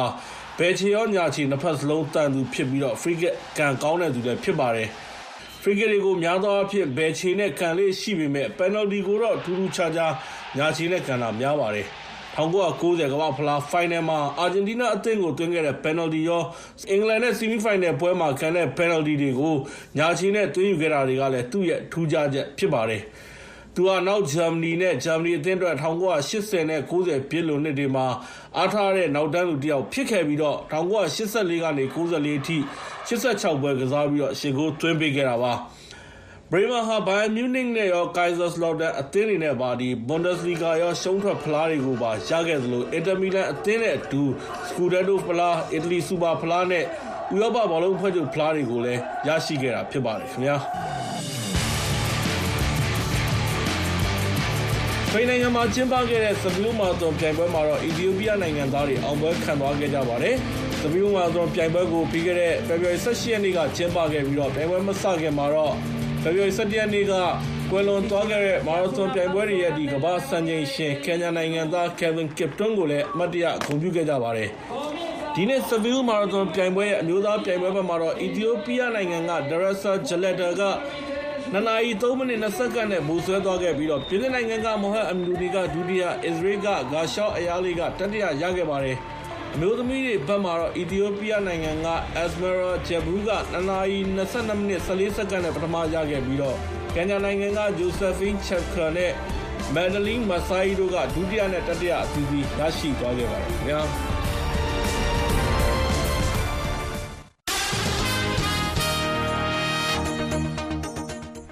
အခုတော့သတင်းချင်းချုပ်ကိုတင်ပြမှာဖြစ်ပါတယ်။ ဂါဇာမှာ ယာယီ အပြစ်ရရေး ဒေသတွင်းမှာ တွေ့ဆုံဆွေးနွေးတာတွေ ရှိနေချိန်မှာပဲဟာမတ်စ်တွေ ဖမ်းထားတဲ့ အစ္စရေးဒဇာကန်တွေ ပြန်လွတ်မြောက်ရေး သဘောတူညီချက်သစ် တရပ် ရရှိနိုင်ဖို့ တိုးတက်မှု လက္ခဏာတွေ ရရှိနေပြီ ဖြစ်ကြောင်း အစ္စရေး ကာကွယ်ရေး အစိုးရ အဖွဲ့ဝင် Benny Gantz က ဖေဖော်ဝါရီ21ရက်မှာ ပြောပါတယ်။ မြန်မာစစ်ကောင်စီဟာ မဖြစ်မနေစစ်မှုထမ်းရမယ့်ဥပဒေကို အသက်သွင်းလာတာက သူ့ရဲ့အားနည်းချက်ကို ပြသတာဖြစ်ပေမယ့် ဒါဟာ အရပ်သားတွေကို ပိုပြီးခြိမ်းခြောက်လာနိုင်လို့ ပိုပြီးထိခိုက်လာနိုင်တဲ့ လူထုကို ကာကွယ်ဖို့ နိုင်ငံတကာအနေနဲ့ ပြင်းထန်တဲ့အရေးယူမှုတွေလုပ်ဖို့ တောင်းဆိုကြောင်း ကုလသမဂ္ဂရဲ့ မြန်မာနိုင်ငံဆိုင်ရာ လူ့အခွင့်အရေး အထူးကိုယ်စားလှယ် Tom Andrews က ဗုဒ္ဓဟူးနေ့မှာ ကြေညာချက် ထုတ်ပြန်ထားပါတယ်။ မြန်မာအာဏာသိမ်းစစ်ခေါင်းဆောင်ဗိုလ်ချုပ်မှူးကြီးမင်းအောင်လှိုင်ဟာ ရုရှားနိုင်ငံဒုတိယနိုင်ငံခြားရေးဝန်ကြီး Andrei Rudenko နဲ့တွေ့ဆုံပြီး နျူကလီးယားနည်းပညာအပါအဝင် စစ်ကောင်စီနဲ့ရုရှားကြားချစ်ကြည်ရင်းနှီးတဲ့ဆက်ဆံရေးနဲ့ပူးပေါင်းဆောင်ရွက်မှုခိုင်မာစေရေးဆွေးနွေးခဲ့ကြောင်းစစ်ကောင်စီထိန်းချုပ်ထားတဲ့နိုင်ငံပိုင်မီဒီယာကဗုဒ္ဓဟူးနေ့မှာဖော်ပြထားပါတယ်။ နောက်ဆုံးရ သတင်းအချင်းချုပ်ကတော့ ဒီလောက်ပါပဲရှင်ဒီမနေ့ခင်းအတွက် အစည်းအဝေးထုတ်လုပ်ရမှုကကိုဇော်မိုးကျော် ဖြစ်ပါတယ် ညပိုင်း9နာရီကနေ10နာရီထိ ထုတ်လွှင့်မဲ့ရေဒီယို ရုပ်သံအစီအစဉ်ကိုတော့လိုင်းဒိုမီတာ19 25 32တို့ကနေ ဖမ်းယူ နားဆင်နိုင်ကြပါတယ်ရှင်သောတာရှင်များနဲ့တကွ မြန်မာပြည်သူပြည်သားအလုံး ကိုရောစိတ်ပါ ရှင်လန်းချမ်းမြေ့ကြပါစေရှင် VOA ကိုအပိနာစင်တဲ့အတွက် VOA ဝိုင်းတော်သူ ဝိုင်းတော်သားအလုံးက အထူးပဲ ကျေးဇူးတင်ပါတယ် ကျွန်မသင်္ကီထိုက်ပါ thank you